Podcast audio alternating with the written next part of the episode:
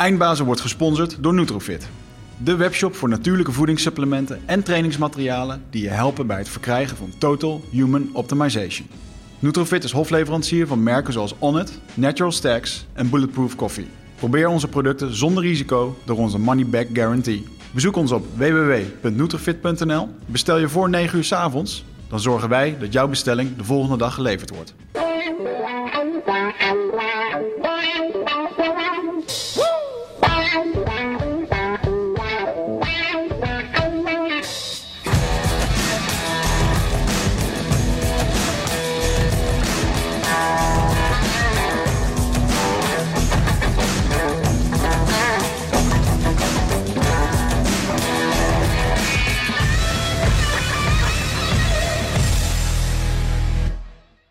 And we're back. Back. En ehm, Hoe is het, jongen? ja, lekker. Gaat goed. Bij mij gaat het goed, ja. Ik ben, eh, ik zit even te bedenken hoe ik deze podcast ga introduceren. Oh, oh naturel. Ja, want eh, de gast Heb je huiswerk gedaan? Hè? Ik heb mijn huiswerk gedaan. Nou ja, eh, als je zegt van ik heb jouw boek gelezen inderdaad. En eh, ik moet zeggen, het is een van de weinige boeken die ik de laatste tijd heb gelezen... die ik wel in één keer heb uitgelezen. Mm. Eh, ik heb hem gekregen van onze vriend Matthias. En eh, die zei van je moet dit maar eens even doorlezen. En toen heeft hij ons aan elkaar gekoppeld. En toen hebben wij een keertje kop koffie gedronken. En eh, ik weet nog dat we toen tegen elkaar zeiden... het is maar zelden dat we in één keer binnen vijf seconden 300 km per uur kunnen gaan. Dus dat was een leuke conversatie en een goed gesprek. En eh, toen dachten we nou weet je, we gaan dit eens verder uitbreiden. Onder andere met een, eh, met een podcast. Ehm, dus ja, vandaag hebben we in de studio Casper van der Meulen. Auteur van Mindlift. Een boekje hier, wat ik hier in mijn hand heb. En stay tuned, want we hebben een aantal boekjes om weg te geven. Mm. Via onze social media. Gesigneerde boekjes. gesigneerde boekjes. En ehm, ja, waar gaan we beginnen? Ik ga gewoon even beginnen met een soort van introductie die ik over jou eh, heb gelezen in je boek. Jij was een leraar op, eh, was een biologieleraar, hè? Ja, biologie, natuur, scheikunde. ja. Oké. Muziek, Eigenlijk alles. biologieleraar. Nou, houd daar maar bij, ja. Een En, aparte eh, combinatie. Ja, op een basisschool? Ja, nee, voortgezet onderwijs. Het onderwijs? Oké. En ehm, nu zit je helemaal in het spectrum van eh, biohacking. Je reist heel de wereld over. Je bent met Wim Hof eh, bezig. Je hebt bergen beklommen. Ik zie je veel in koud water zitten en ijsbaden. En eh, ja, je bent veelzijdig bezig. En ehm, ik zou eigenlijk gewoon eens willen beginnen. Waar is jouw reis begonnen in het leven van biologieleraar naar een digital nomad die gewoon lekker doet waar die zin in heeft? En ja, je bent wel een echte lifestyle designer. Ik bedoel, je, Ja, dat is wel een eh, term die inmiddels bij mij past. Eh, lifestyle adventure zeg ik zelf. Ik weet niet precies waarom, maar dat vind ik, eh, vind ik leuk En klinken. biohacker vind ik jou ook wel een echte. Je bent wel een van de meest prominente biohackers van Nederland. Ja, denk je? Ja, het, is... ja, daar ben ik, ben ik in zekere zin wel met je eens. Het, is, het ligt, er een, ligt er een beetje aan wie je vraagt wat biohacking is. Er zijn verschillende stromingen in. en, maar ik vind, het, ik vind het wel een gepaste term. Zeg maar tenminste het, het principe... zeg Maar het, het inzicht dat je, dat je in feite een, een verzameling fysiologische, biologische systemen bent. En dat die syste- de staat van die systemen je staat van zijn en je levenskwaliteit beïnvloeden. En dat je dus een soort van feedback loops kan creëren, waardoor je zelf die staten kunt gaan beïnvloeden. En kan interfereren in je biologie. En dan vervolgens daarmee een andere staat manifesteren in je leven. Dat, dat vind ik een eh, definitie die bij mij past. Dus in die zin klopt dat. Maar eh, ja, ik was. ehm, eh, wetenschapsdocent eh, in de school. Het was een internationale school waar ik werkte en daar heette het vak gewoon science. En het was een soort van per ongeluk dat ik daar eh te werken kwam, want ik wilde biologie studeren. Maar ik had, mijn, noem- mijn moeder noemt het de toeristische route door het schoolsysteem. Eh, ik, ik was niet zo heel. Mijn, mijn ehm, houding was niet goed te verenigen met, met die van mijn verwacht werd door school, zeg maar. Dus ik was er niet zo vaak. En eh, toen ik eenmaal wel de wetenschap vond en dacht van hier wil ik mijn leven aan gaan toewijden, toen kon ik niet zomaar naar de universiteit, toen moest ik stage lopen. En eh, ja, dat de, de makkelijkste route was via een leraaropleiding biologie. En dat vond ik verschrikkelijk, want ik had zoiets van ja, ik, leraren dat zijn de bad guys. Is het dan de Pabo die je doet of niet? Eh, nee, PABO is voor het eh, basisonderwijs, maar het is eh, het PABO voor voortgezet onderwijs, ge- gericht op biologie. Waarom vond je leraren de bad guys? Ja, ik, ik was op school gewoon. Ik was gewoon een jochie die achter in de klas zat. En ik, ik moet gewoon bewegen. En dat zal je mensen die video kijken, die weten, die zien ik moet bewegen om te kunnen nadenken. En ik doe heel ik zwaai veel met mijn handen. Ik was vroeger rapper, dat is misschien daaruit overgebleven. Maar ik wilde, ik was aan het tekenen en ik was aan het schrijven. En ik was eigenlijk altijd heel creatief bezig. En ik deed heel hard mijn best. Maar ik moest gewoon bewegen om te kunnen leren. En ik moest, eh, ik moet praten om te kunnen leren. Eh, dat is een van de redenen dat ik podcasts zo leuk vind. Er worden mij vragen gesteld, dan ga ik op zoek naar een antwoord en ik leer daar wat van. Ehm, dus ik, ik, leer het best als ik lesgeef, heb ik inmiddels geleerd, maar dat wist ik toen niet. Dus op school, ja, ik, was, ik was gewoon die gast in de klas die er of niet was. En als hij er wel was, was hij vervelend en dan kreeg ik gezeik. En uh, Weet je wel, ik werd veel gepest en ik kon, ik kon heel moeilijk contact maken met de stof, terwijl ik eigenlijk wel leergierig was en zo. Dus ik had zoiets van, ja, leraren, de manier waarop leraren mij benaderden en de manier waarop ik op school me diende te gedragen en de manier waarop dat niet aansloot bij mijn intrinsiek, intrinsieke manier van leren. Mm heeft ervoor gezorgd dat ik het schoolsysteem afschreef als iets wat, uh, wat, wat gewoon niet goed was. was. Ik had een heel zwaar oordeel erover. Ik ben nog steeds heel erg kritisch over het schoolsysteem. En ik denk dat heel veel mensen worden opgeleid voor, voor een wereld die helemaal niet meer bestaat. En dat de manier waarop kinderen aangesproken wordt, worden, dat, dat onderwijs is ingericht, is een soort van killer voor creativiteit. Weet je wel, al dat soort dingen vind ik nog steeds. Maar op dat moment waren, legde ik de schuld bij de leraren heel erg. Want die waren de uitdragers van het systeem waar ik niet achter stond. En ik had daar last van. Dus daarom... Um, en daarom ging ik ook niet naar school in die tijd. En uh, ik, ik leerde... Wat, wat ze me probeerden te leren was dat, er, dat het aan mij lag. Dus dat ik een concentratiestoornis had. En ik was niet goed in lezen. En ik was niet goed in leren. En dat was niet goed. En uh, er zijn me allerlei gedragsstoornissen geprobeerd op te leggen. Ik had, uh, op een gegeven moment had ik een soort van angststoornis, wilden ze het noemen. Of ik had ADHD en eh, ze hadden allemaal pillen die daar goed voor waren. En gelukkig eh, deed mijn moeder daar eh, nooit aan mee. Die had zoiets van, nou, we gaan eerst gewoon kijken wat er in voeding te vinden is, weet je wel. En dat soort dingen. En dat, dat heeft heel veel geholpen. Ja. Maar ik heb, ik heb uiteindelijk wel zelf wat medicatie uitgekozen. waar ik me een paar jaar mee heb uh, vermaakt. En geprobeerd uh, mijn gedachten onder controle te houden. Dus ik ben toen een paar jaar, toen ik veel te jong was, niet nuchter geweest. En uh, toen merkte ik dat er steeds meer wrijving kwam. En toen heb ik een periode gehad dat het echt heel slecht met me ging. En ik heb een aantal van die soort van depressies gehad in die tijd. En uh, ja, ik heb het moment dat ik besloot om daar uit te stappen, zeg maar, toen vond ik wetenschap en biologie. Want mijn, mijn middel om los te raken van het leven van, weet je wel, mijn vrienden die nog steeds, vrienden van toen die nog steeds verslaafd zijn of die criminelen zijn of wat dan ook, weet je wel. Mijn, mijn middel om mijzelf daar uit te werken was wetenschap. Om te begrijpen hoe dingen werken en dingen echt te doorgronden. En dus echt de biologie te bekijken. Dus toen ik jaren 15, 16 was en wilde stoppen met, uh, met dat pad...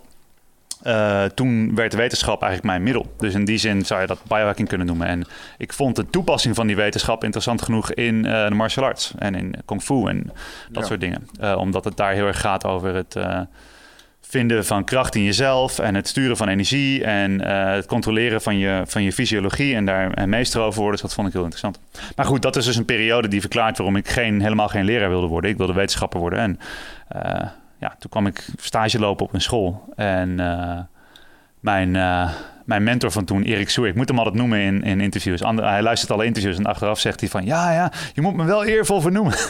Hoe heet hij? dus Erik. Erik Soer. Goed gedaan, Erik. En, Goed gedaan, uh, Erik. Ja, Props. heeft hij, maar heeft hij vanaf leuk nu is het gedaan. de laatste keer ja, geweest. Ja, hij, is, hij is wel... Uh, ja, hij had wel gelijk. Um, ik liep die school binnen. Ja, ik zeg, ik zeg soort van begrudgingly dat hij gelijk had, want hij wil heel graag gelijk hebben. Meestal heeft hij ook gelijk, dus ik heb nog steeds iets van. Maar ik liep die school binnen en ik had zoiets van, ja, weet je, ik ga echt geen leraar worden. Ik, uh, ik ga wel kopiëren en koffie halen, uh, maar ik, ik ga niet bij de, bij de bad guys. Ik ga niet oversteken naar de dark side. En ik liep de school binnen en hij keek me aan en hij zei van, hé, uh, hey, volgens mij ben jij een leraar. Ik zei, nee. Nee, dat klopt niet. En toen deed hij gewoon een deur open. We stonden naast een lokaal, deed een deur open en zei van... hier, ga maar lesgeven. En hij gaf mij natuurkundewerkblad. En ik was super slecht in natuurkunde, want ik wilde biologie studeren. En natuurkunde had ik zelf niet heel succesvol afgesloten op school. En hij stuurde me gewoon het lokaal binnen en een uur later kwam hij terug. En uh, ik herinner me niet precies wat er gebeurde, maar uh, dat, dat was de eerste keer dat ik, dat ik zeg maar echt in flow kwam voor een groep. En uh, zij waren aan het lachen, ik was aan het lachen, het, ik had het naar mijn zin. Iedereen vond het leuk en hij liep binnen en hij zei van, hey, ik zei toch dat je leraar was? Dat ik zoiets van, wow, dat, dat is interessant. Mm. Ik nam het toen nog steeds niet serieus hoor, maar het feit dat ik het niet serieus nam, dat heeft me ook heel erg geholpen in het ontwikkelen van die vaardigheid. Maar goed, ik was daar, daar werkte ik als als leraar opeens. En na dit jaar stage, terwijl ik mijn opleiding helemaal niet af had, kreeg ik een baan aangeboden. Dat was ook raar. En ik had zoiets van, nou ja, blijkbaar nemen zij het ook niet serieus. Blijkbaar hebben ze zo hard iemand nodig dat ze mij het mij laten doen. Dus ik kijk wel gewoon hoeveel lol ik hier kan trappen voordat, voordat het uh, afgelopen is.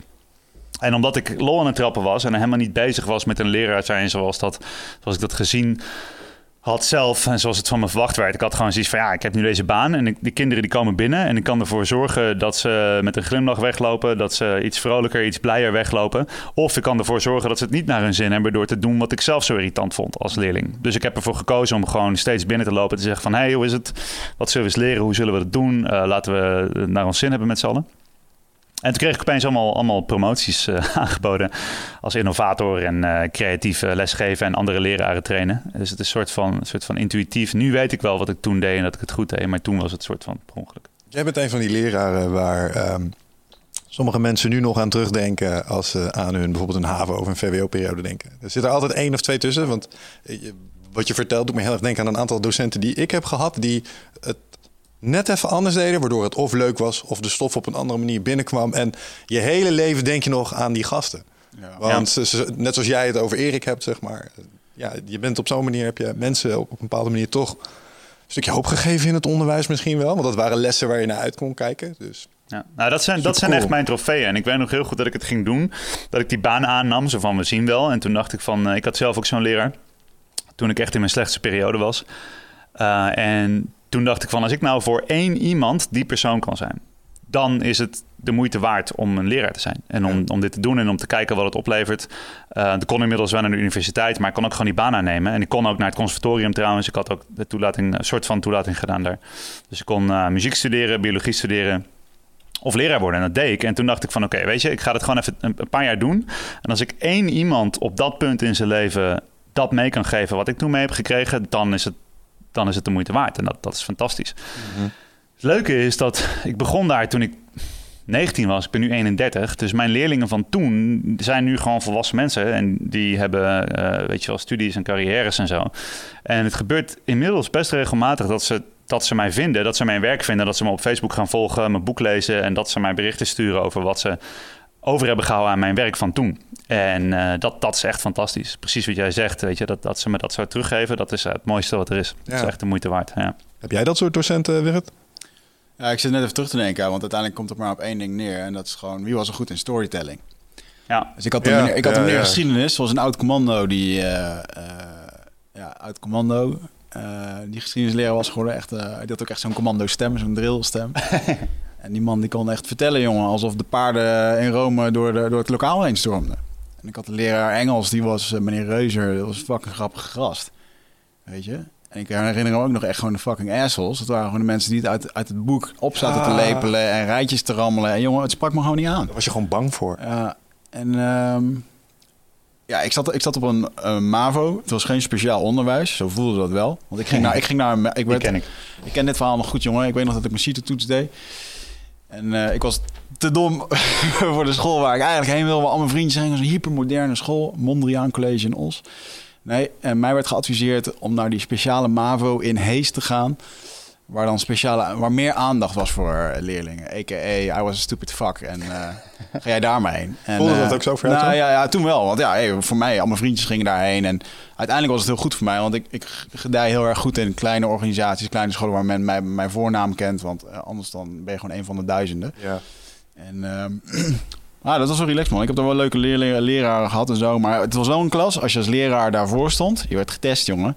Als je daar ook maar, als je dat niet in de hand kon houden, dan ging je eraan, weet je. Ja, maar dat is wel eh, een ding wat ik heel snel ontdekte. Dat als je dus... Storytelling is het enige waar het echt om gaat. Maar om, om een verhaal te kunnen vertellen...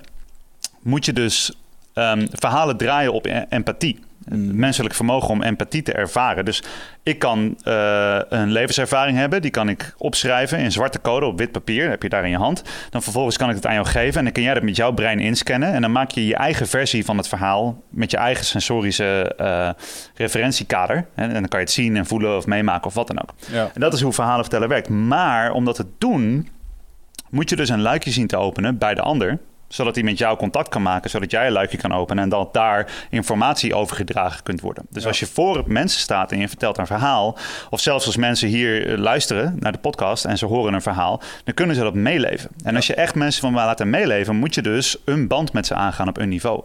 En dat is nog weer de basis onder storytelling, is dus het vermogen om ehm, een relatie aan te gaan met mensen die voor je zitten. En dat je dus iets geeft van jezelf, waardoor zij bereid zijn om het aan te nemen. En ook in die open modus gaan, dat ze bereid zijn om er wat mee te doen. En ik denk dat dat het grote. eh, ik, heb, ik heb die kinderen nooit bullshit verkocht. En dat doe ik nog steeds niet. Als ik nu. Want het werk wat ik nu doe. En het is een internationaal en het staat heel stoer met profatleten en met allemaal grote organisaties en allemaal dat soort dingen. Maar het is in feite exact hetzelfde werk als ik met die kids deed.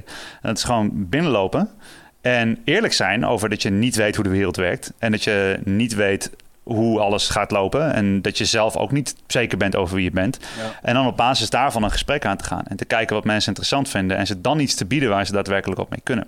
En ik denk dat, en dat is wat jullie hier ook doen. Weet je, of als je op het podium staat. Je hebt je eigen ervaring. Weet je, je bent in de jungle geweest. En vervolgens heb je ook de behoefte om dat te delen. En ik denk dat daar die leraren die, die het wat kan schelen. Die hoeven bijvoorbeeld geen orde te houden. Want autoriteit is een, is een spelletje. En als je het spelletje speelt, kan je het verliezen. Dus je binnenloopt ze van ik ben hier de baas. En je staat tegenover zo'n groep gasten.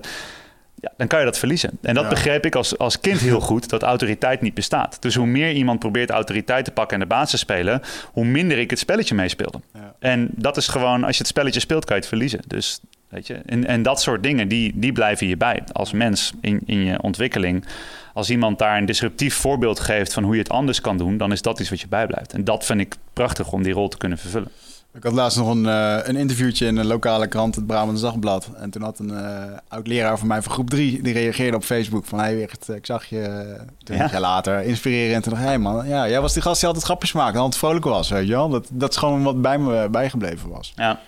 Mooi Ik denk, dat ze, ik denk dat, eh, dat, ik, dat ze me niet zouden herkennen. Ik denk echt dat vooral als ik, er zijn maar heel weinig leraren die daadwerkelijk wisten dat ik er was en wie ik was. En Ja. weet je wel, dus ik ik zou me echt afvragen van groep drie, zou zo iemand mijn naam herkennen, weet je wel? Ja, Hoe werkt dat omgekeerd voor je? Zijn er nog studenten waar jij nog wel eens aan terugdenkt? Oh ja. Dat ja. je dacht van, oh, die of die. Want dat is vaak wel het gevoel dat, denk ik, de moderne student ook heeft. Ik ben maar een nummertje. Ja, Ik heb, ik, ik heb Ja. ook een, eh, een, hal, een twee kwartielen maar onderwijs mogen draaien in het HBO. Maar ehm, en dat was een misschien te korte periode om heel veel studenten te zien. Maar eh, ik weet nog wel dat er een aantal van die mensen had ik ook SLB-gesprek mee, studieloopbaanbegeleider. En die zijn me bijgebleven. Nu, tot van de, dag op vandaag, denk ik zelfs, hoe zou het met die gasten gaan? Ja. Weet je wel, omdat ze ook op jou een bepaalde indruk maakten of iets zeiden op een manier waardoor je dacht van, hé, hey, Mhm. ja. Ja, tientallen, zeker weten. En Ja. er zijn er ook een aantal die komen naar mijn seminars en die, eh, die willen van me blijven leren. En eh, kijk, in, weet je, voor de mensen die luisteren en als je nadenkt over lifecrafting en over, over eh, lifestyle design of over een, een spectaculair leven bouwen. Als je niet weet wat je moet doen, word gewoon leraar. Ik zweer het je, het is de snelste manier om een superheld te zijn. Gewoon like that.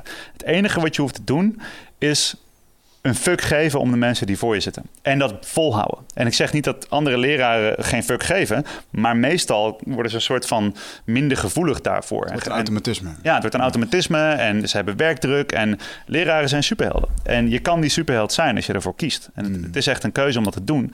En eh, vooral mensen die zich niet identificeren met het, met het normale leraarschap. En, en het is educatie. Weet je, iedereen heeft een intrinsiek vermogen om een ander iets te leren. En als je dat kunt vinden, dan ben je dus op het moment dat je begint aan zoiets, aan, aan het superheld worden, dan word je dat omdat je aan het geven bent. Dus je, je bent direct in staat om iets te geven en om waarde te bieden aan mensen.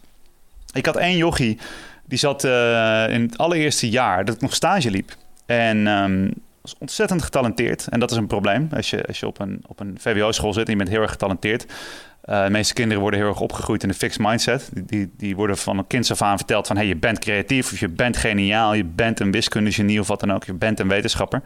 Dus de schoolprestaties worden gelinkt aan identiteit. En dat is hoe later in het leven zich allerlei faalangstproblemen ontwikkelen... en, en eh, zelfwaardeproblemen ontwikkelen... Omdat ze, hun, ja, omdat ze een getalletje op een toets linken aan, aan hun eigen waarde, hun identiteit. Nou, Jochie had er moeilijk mee, had faalangst, weet je. eh, was, ik had zoiets van, hoezo jij, weet je wel. Ik werd vroeger gepest, maar ik was een dikke jochie met, met een scheve bril. En ik kwam niet uit mijn woorden en ik sliste en ik haalde slechte cijfers. Maar jij bent knapste gozer van de klas en die meisjes vinden je leuk en de beste gitarist en al die dingen, weet je wel. Maar ja, had het er moeilijk mee en ik had hem een paar dingen geholpen. En dat was hem bijgebleven. En toen, zeg maar negen jaar later, een paar jaar geleden, toen Mindlift net uit was... eh, kreeg ik een heel verhaal van hem. Dat hij, hij was eh, van school gekomen, was, had een burn-out gekregen. Eh, was zich af gaan vragen waarom en hoe dat zat. Psychologie gaan studeren, vond het nog steeds moeilijk. Toen vond hij mijn boek en mijn stof. Is hij me gaan volgen online. Heeft hij dat gebruikt om met zijn eigen dingen te dealen. Anyway, lang verhaal kort, uiteindelijk afgestudeerd psycholoog. En die werkt nu als psycholoog. En hij gebruikt mijn boek en hij print mijn wekelijkse e-mailcursus print hij uit. En die bespreekt hij met, als werkende psycholoog, weet je wel. Met, met de mensen waar hij nu mee werkt, die hij nu helpt. En het enige wat ik toen heb gedaan was een kwartiertje extra tijd nemen om, om echt hem te laten merken dat me wat kan schelen en een paar tips te geven. Weet je wel? En, dat, en dat is zo'n huge ripple effect. En zo, er zijn vast meer van dat soort verhalen die ik niet eens weet. Maar dat is fantastisch. En ik ben ervan overtuigd dat iedereen dat kan doen. Dat je, je kan bijdragen aan iemand anders zijn leven. En dat is ook waarom ik Mindlift ben gestart. Omdat ik wil kijken wat een mogelijkheid is uh, op het gebied van schaal. Dus hoeveel groter kan dat als ik, het, als ik die magie die ik voel. Het gaat, ik zeg niet zozeer dat ik magie creëer, maar ik voel een soort van magische flow als ik dat doe. En um, uh, hoeveel meer kan er gebeuren als ik dat buiten de grenzen van het klaslokaal til? En dat, dat ben ik nu aan het onderzoeken. Ik weet nog wel dat ik keer dat soort gesprekken met leraren, die, uh, sommige gesprekken zijn me wel echt bijgebleven, van die kleine momentjes. Maar ik weet ook nog een keer een gesprek met de man die verantwoordelijk was voor uh, je vervolgkeuze. Mm -hmm. En dat ik echt in een onwijze, wist ik veel wat ik wilde doen op mijn zestiende. Uh, ik wilde eigenlijk naar het Korps Mariniers. En uh, dat was eigenlijk de, jong, de jongensdroom, dat avontuur en zo. Mm -hmm. en, um, toen weet ik nog dat ik met hem een gesprek aan, aanging en dat hij zei, zou je dat de rest van je leven willen blijven doen? Ik dacht, dat, ging daarover nadenken en toen wilde ik het helemaal niet meer echt, weet je wel. Echt super demotiverende vraag. Maar voor die, Wat voor maakt die, het uit? Ja, voor die man, die zat al 65 jaar in dit schuitje van als je leraar bent, dan ben je gewoon leraar, weet je wel. En um, uh, alsof er niks anders meer was daarna of zo. Ja, maar zijn antwoord was gestoeld op het paradigma dat het destijds was dat je iets deed for life. Da, Ja. da, daar committeerde je de volgende 50 jaar, Nee, was dat wat je deed. En Nou, ik denk dat dus- het tegenwoordig heel, heel anders Dus is. ik denk dat een hele hoop leraren onbewust vanuit die oude stoel, eh, eh, ja, Ja, het is heel bewust. Want kijk, eerlijk, eerlijk is eerlijk. Ik, als je 40 jaar als leraar werkt, dan zit je 40 jaar in een bubbel. ja. Dan heb je 40 jaar hetzelfde ritme. En ik, ik heb 10 jaar als leraar gewerkt. Ik ben 31, maar ik heb een lange carrière gehad als leraar. Helemaal als je ziet dat mensen tegenwoordig vroeger... het gemiddelde man werkt maar vier jaar in het onderwijs als ze opgeleid zijn.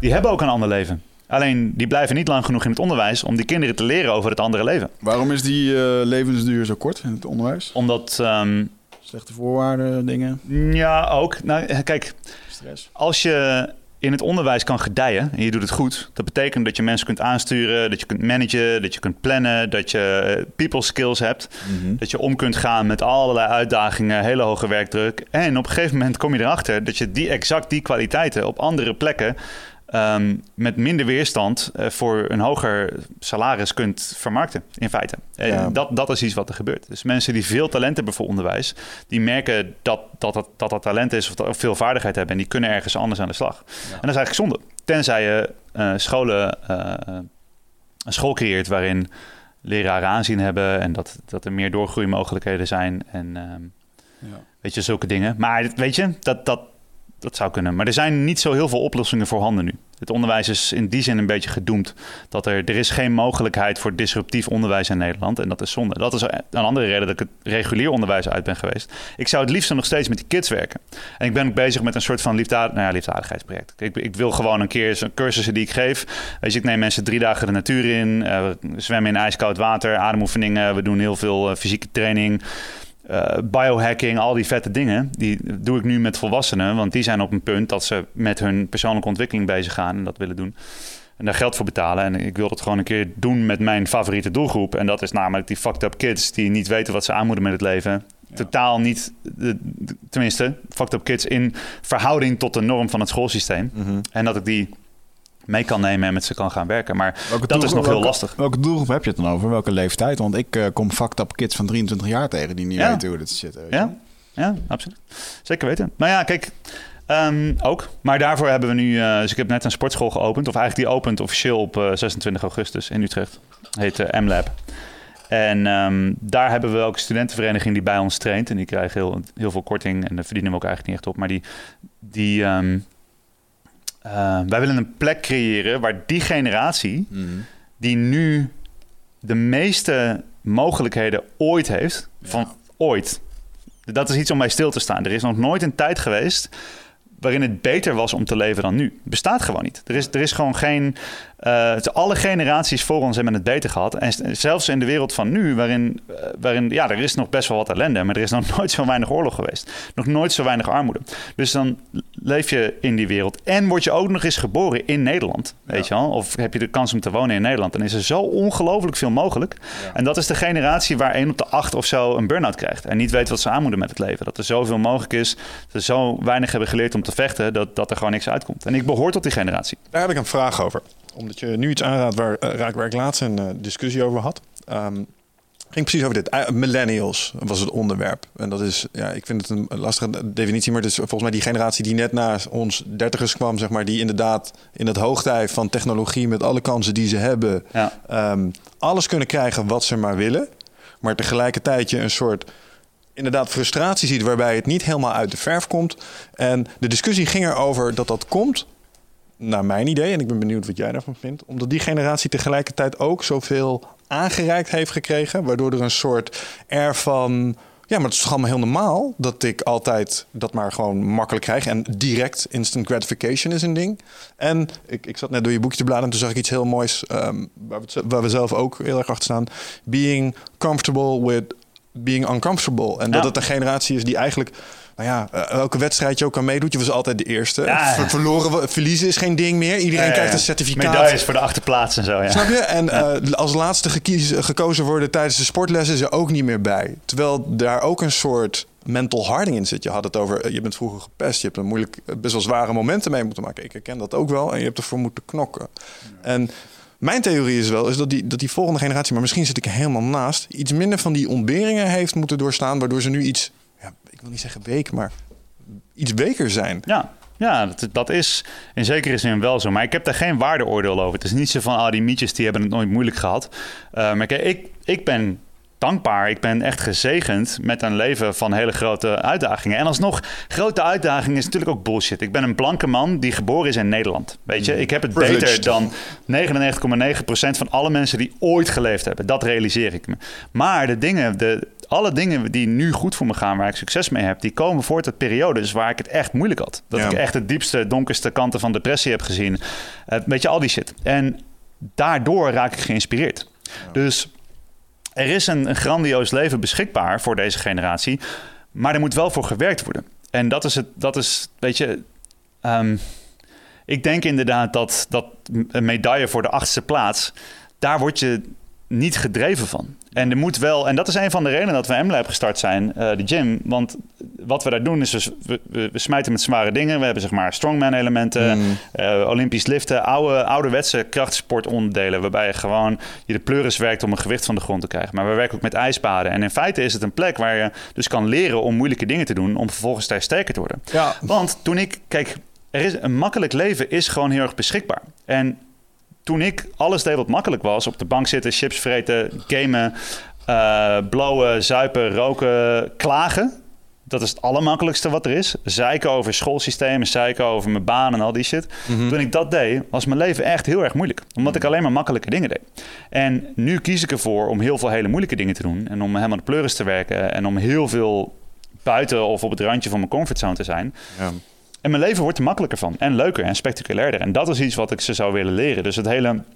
Ik, ik wil voorzichtig... Ja, de discussie vind ik moeilijk met het waardeoordeel van... als oh, ze zijn zwak of week of, uh, of ze hebben het te makkelijk gehad. Maar ik weet wel... Ik denk heel vaak aan mijn over, naar mijn opa bijvoorbeeld. Mhm. In mijn leeftijd hadden ze een nette hongerwinter gehad of zoiets, weet je wel. Toen, toen ze um, uh, uh, na de oorlog en in die periode hadden ze helemaal geen tijd om zich ergens druk om te maken over de dingen waar ik me nu druk om maak. Al mijn problemen zijn luxe problemen in vergelijking daarvan. En ik weet nog, als ik dan thuis kwam en ik had op mijn, op mijn fiets, had ik door de regen gefietst of zo, weet je wel. Dan kwam ik thuis en dan was mijn oma thuis, die past op ons. En dan zei ik van, oh, ik moest door de regen fietsen en het is zo zuur. En dan zei ze, oh ja joh. En dan dacht ik, shit, ik heb het weer gedaan. Ja, ja, ja. Want ik wist welk verhaal er kwam, namelijk dat mijn oma, die was 16 en het was hongerwinter. En die moest van Zeeland naar Amsterdam rijden op een fiets, zonder banden, kwam dan altijd bij, in de regen, uh, om de borstvoeding van de zus te verruilen voor aardappels bij een boer in Amsterdam. En onderweg werd ze beschoten door de nazi's, weet je wel zo. En ze vertelde dat verhaal te zo en ik zei, oh shit.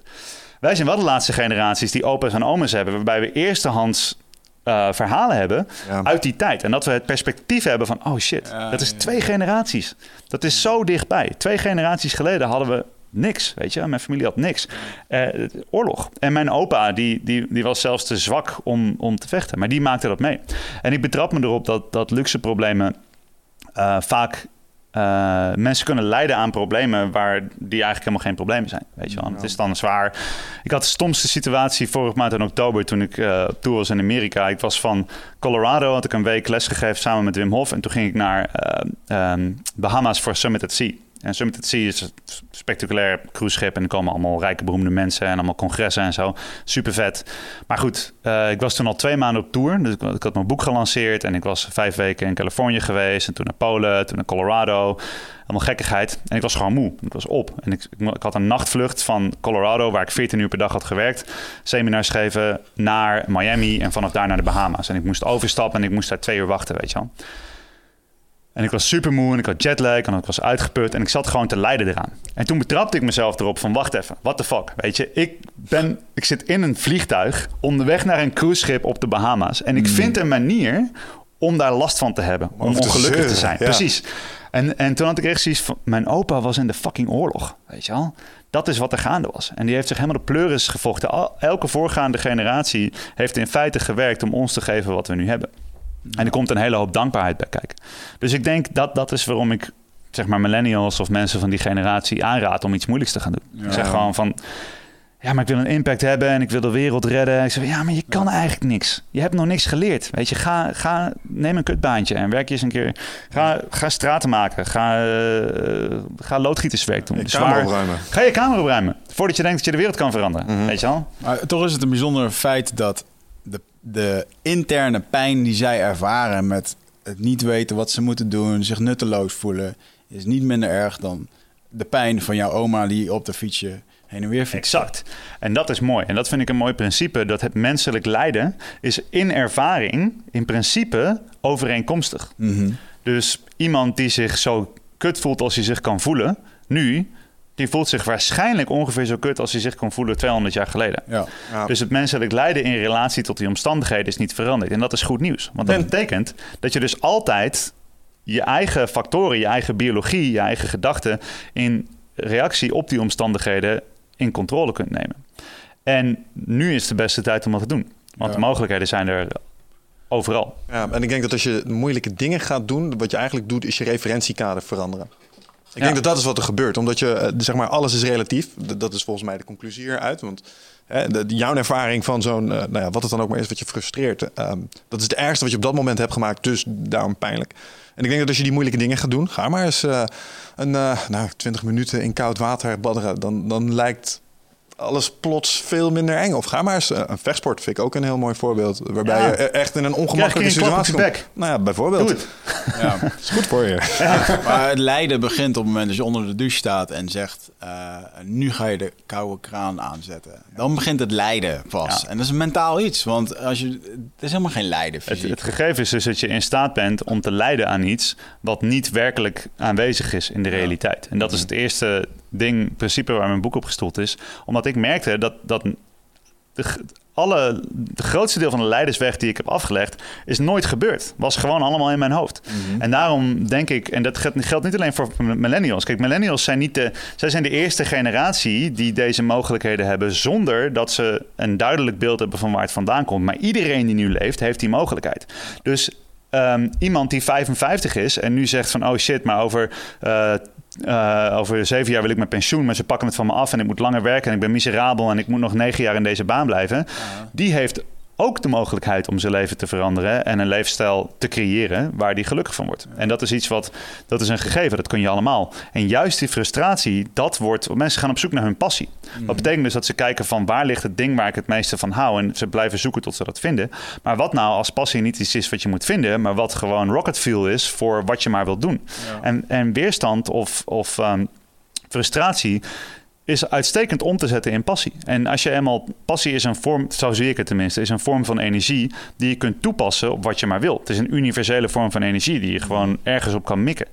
En mik er maar ergens op en doe het maar. En wat ze ook al eens vergeten, en dat is wat eh, op, die, op die boot uh, uh, Summit at Sea ontmoette ik Gary Vaynerchuk. Wat super vet was. Een van, de, een, een van de mensen waar ik veel van leer.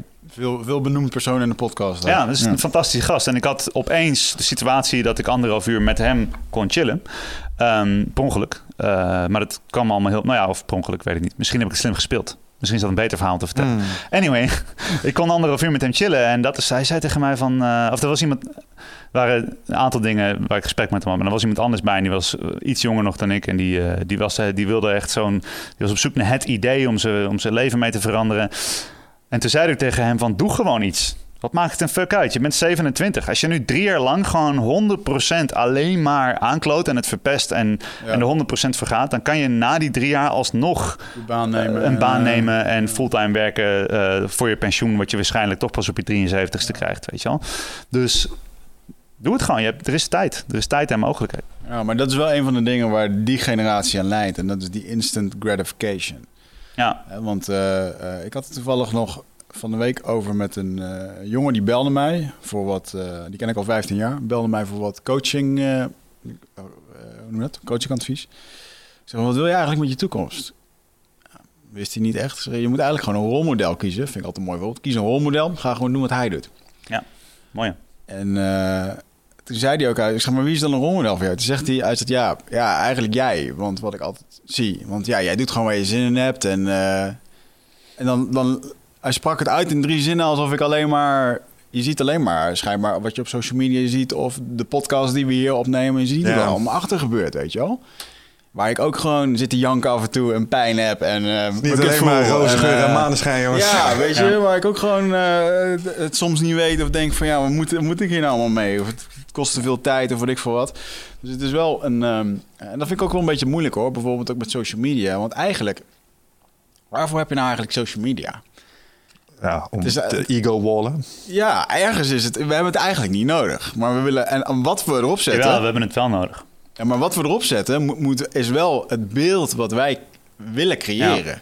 Maar kijk, als je, als je kijkt naar hoe ehm, mensen gebouwd zijn als sociale dieren, is er in het, in het diepste van ons verlangen niks wat we harder nodig hebben dan social media. Daarom is het zo groot. Het is de volgende stap in menselijke ontwikkeling van connectie. En we zitten Ja. alleen in de eerste stroomversnelling waarvan we allemaal nog niet weten wat we ermee moeten. Behalve sommige mensen, zoals jullie en ik, die het gebruiken voor iets en het inzetten, heel strategisch en doelgericht en het zien als een vaardigheid en dan vervolgens er heel veel uithalen. Maar ehm, weten wat er aan de hand is om je heen, is een, een hele sterke oerdrift die we als mens hebben. En je brein is ingesteld om een soort van hyperactief dat soort impulsen op te zoeken. Dus het is geen wonder dat het er is. De vraag is alleen, ehm, ben je er onderhevig aan? Of neem je het in de hand? En dat is in feite met alles in het leven zo. Maar met social media nog meer. Want het is heel makkelijk om er onderhevig aan te zijn. Om het, om het te laten gebeuren. En ik denk dat dat, ehm, dat heel belangrijk is. En ik denk ook dat vaardigheid onderschat wordt. Ehm, want heel veel mensen praten over het hebben van een missie. Ze willen impact hebben, de wereld veranderen. Eh, ze hebben het over het vinden van een passie. Dus wat is dat ene ding waar ik echt gelukkig van word? Nou, het idee dat, je, dat er een extern iets is dat, waar je gelukkig van zou moeten worden... dat is al een, wat mij betreft een soort van zelfsabotage. Want dan Ja. kun je blijven zoeken naar het ene ding waar je gelukkig van wordt. En helemaal in een, in een wereld waar er zoveel keuzevrijheid is... de ene seconde heb je iets en dan ben je er gelukkig mee... en dan zie je alweer het volgende blinkende ding op social media... waar je gelukkig van kan worden. Dus zoeken naar je passie is voor heel veel mensen eigenlijk zinloos. Weet je wel? Dus je hebt een, En frustrerend. Precies. En dus je hebt missie. Ik vind het belangrijk om een missie te hebben, maar een missie hoef je niet te zoeken. Tenminste, wat mij betreft, heeft iedereen een missie. We hebben namelijk allemaal. Dit is mijn opvatting. Je hoeft niet op zoek naar je missie. Je missie is er. De vraag is: heb je hem geaccepteerd? Heb je hem aangenomen? Ben je opgestaan en gezegd: Oké, ik ben nu bereid om mijn leven toe te wijden aan deze missie? En de missie is voor iedereen hetzelfde, namelijk zorg ervoor dat de wereld een betere plek is dan dat je hem vond als je vertrekt. En de, ene doet dat door kunst te maken, de andere door eh, iemand te helpen afvallen, de andere door eh, zelf gewoon zijn werk goed te doen, door plastic op te ruimen, wat je maar wil, weet je. Maar als je maar realiseert dat je, alles wat je op microniveau doet, draagt bij aan, aan een missie. De vraag is alleen, ben je ervan bewust? En dan passie is een vorm van energie, is wat ik zie. Maar ik denk dat vaardigheid eh, onderschat wordt. Heel veel mensen zien een bepaald leven. En ze zien dat leven wat jij hebt of wat ik heb. En ik krijg dezelfde vraag heel veel, wat jij net zei. Mensen zien mij de wereld overreizen. En ik, ik reis met mijn gezin, weet je. Dus dat is iets wat ik heel belangrijk vond in het lifecraften. Ik zal de term maar gebruiken om voor jullie eh, de promotie te maken. En, eh, ehm, in, het, in het bouwen van die leefstijl, weet je, heb ik ervoor gekozen om dat op zo'n manier in te stellen. Ehm, eh, maar mensen zien dat als een staat van zijn. Of soms zien ze het zelfs als mazzel of als eh, iets wat tot me gekomen is of als talent.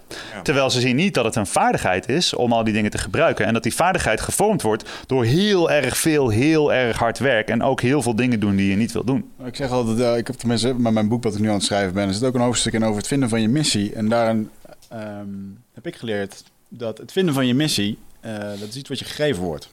Een keer kom je tot het moment dat je dat eh, voelt. En dat kan wel veranderen naarmate je ouder wordt. Of, eh, maar ik denk wel op een gegeven moment dat je op een gegeven moment...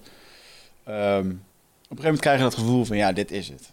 En één ding is zeker, dat als je niet weet wat je missie is... en je gaat zitten wachten tot het komt, dan gaat het niet gebeuren. Absoluut. Je moet gewoon werk gaan maken, dingen gaan doen. En iets wat ik merk is dat de wereld is nu zo groot, omdat we één globale wereld hebben. Ehm, eh, Stephen Covey heeft heel mooi geschreven over de cirkel van invloed en de cirkel van betrokkenheid. Dus je hebt een cirkel van invloed waarbinnen alle dingen liggen die je, waar je iets aan kan doen. En dan heb je een cirkel van betrokkenheid. Dat zijn alle dingen waar je mee te maken hebt. Nou is het zo dat in een primitieve setting, zoals je brein gebouwd is, woon je in een cirkel van zo'n 150, 200 mensen en kun je bijhouden wat er gebeurt. En dan is het ook zinnig om te weten wat er gebeurt. Dus roddelen is in, die, is in zo'n setting heel zinnig, want dat is sociale controle, weet je wel. Nu opeens, dus dan is je, je, je cirkel van invloed is ongeveer even groot eh, als je cirkel van betrokkenheid. Want de dingen waarmee je betrokken bent, heb je ook wel invloed op. Er zijn er ook dingen zoals het weer of zoals ziektes die daar buiten Ja. liggen. Op dit moment, je kan, weet je, je kan gewoon op je telefoon kan je aanzetten en je kan zien de terroristische aanslag in Londen. Je kan Weet je, je kan er bewust van worden dat er eh, ijsberen op de Noordpool overlijden aan gif wat in China in de zee gepompt wordt om iPhones te maken die in onze broekzak zitten. Weet je wel, zo is de wereld nu in elkaar. Dus je bent overal bij betrokken, waardoor relatief gezien je cirkel van invloed uitzonderlijk klein is. Waardoor je ook niet realiseert hoeveel je kunt betekenen. En heel veel mensen die eh, denken dat een missie iets heel groots moet zijn. Ze willen bijvoorbeeld eh, alle plastic opruimen. Weet je wel? Want dat zou, op een dag ga ik charity doen en dan ga ik al dat plastic opruimen. Of dan ga ik al die mensen helpen. Maar als je al het plastic op wil ruimen, moet je ook je kamer opruimen. En moet je ook de deur uitstappen. En als je plastic op straat ziet, dat opruimen. En dat kan je gewoon doen. En dan kan je heel veel doen. En je kan het heel hard doen. En je kan met heel veel passie doen. En je kan erover communiceren op social media. En allerlei kansen voor jezelf creëren, omdat je het aan het doen bent. Dus ik denk dat dat. Eh, in mijn Engelse boek noem ik het analysis by paralysis. Heb ik niet zelf bedacht. Tenminste, ik ben vast niet de eerste die het bedacht heeft, weet ik zeker. Maar ehm, dat is eigenlijk wat, waar heel veel mensen in vastzitten. Dat er zoveel mogelijkheden zijn dat ze niet, zich niet bewust zijn van hoeveel invloed ze al hebben op andere mensen. Ja. Daarom zeg ik van, word gewoon een leraar. Want dan lopen er twintig kinderen je lokaal binnen. Gegarandeerd dat de helft daarvan iets van jou kan aannemen... waar ze echt wat aan hebben in hun leven. En boom, Ja. je bent bezig. Hadden het laatst nog over tijdens een lezing. Ik geloof de vorige podcast ook. Dat mensen als ze nadenken over wat hun missie dan is... dat het altijd inderdaad eh, op een blijkbaar tegenwoordig globale schaal moet zijn. Moet altijd miljoenen mensen betreffen. Terwijl de grootste impact je in je directe omgeving hebt. En wij hadden hier Ja Bressers en die had het, die had San Carlos momentjes waar die over sprak. Zo'n man die is de zee ingedoken op een gegeven moment. Zijn nek gebroken, hoge dwarslesie. En die had een verpleger in zijn directe omgeving in de eerste weken van zijn herstel. Het enige wat die man deed was af even zijn hand op zijn nek leggen, waar hij nog wat kon voelen. En dat was genoeg voor hem. Dat trok hem echt die hele, die hele ordeal trok hij hem door.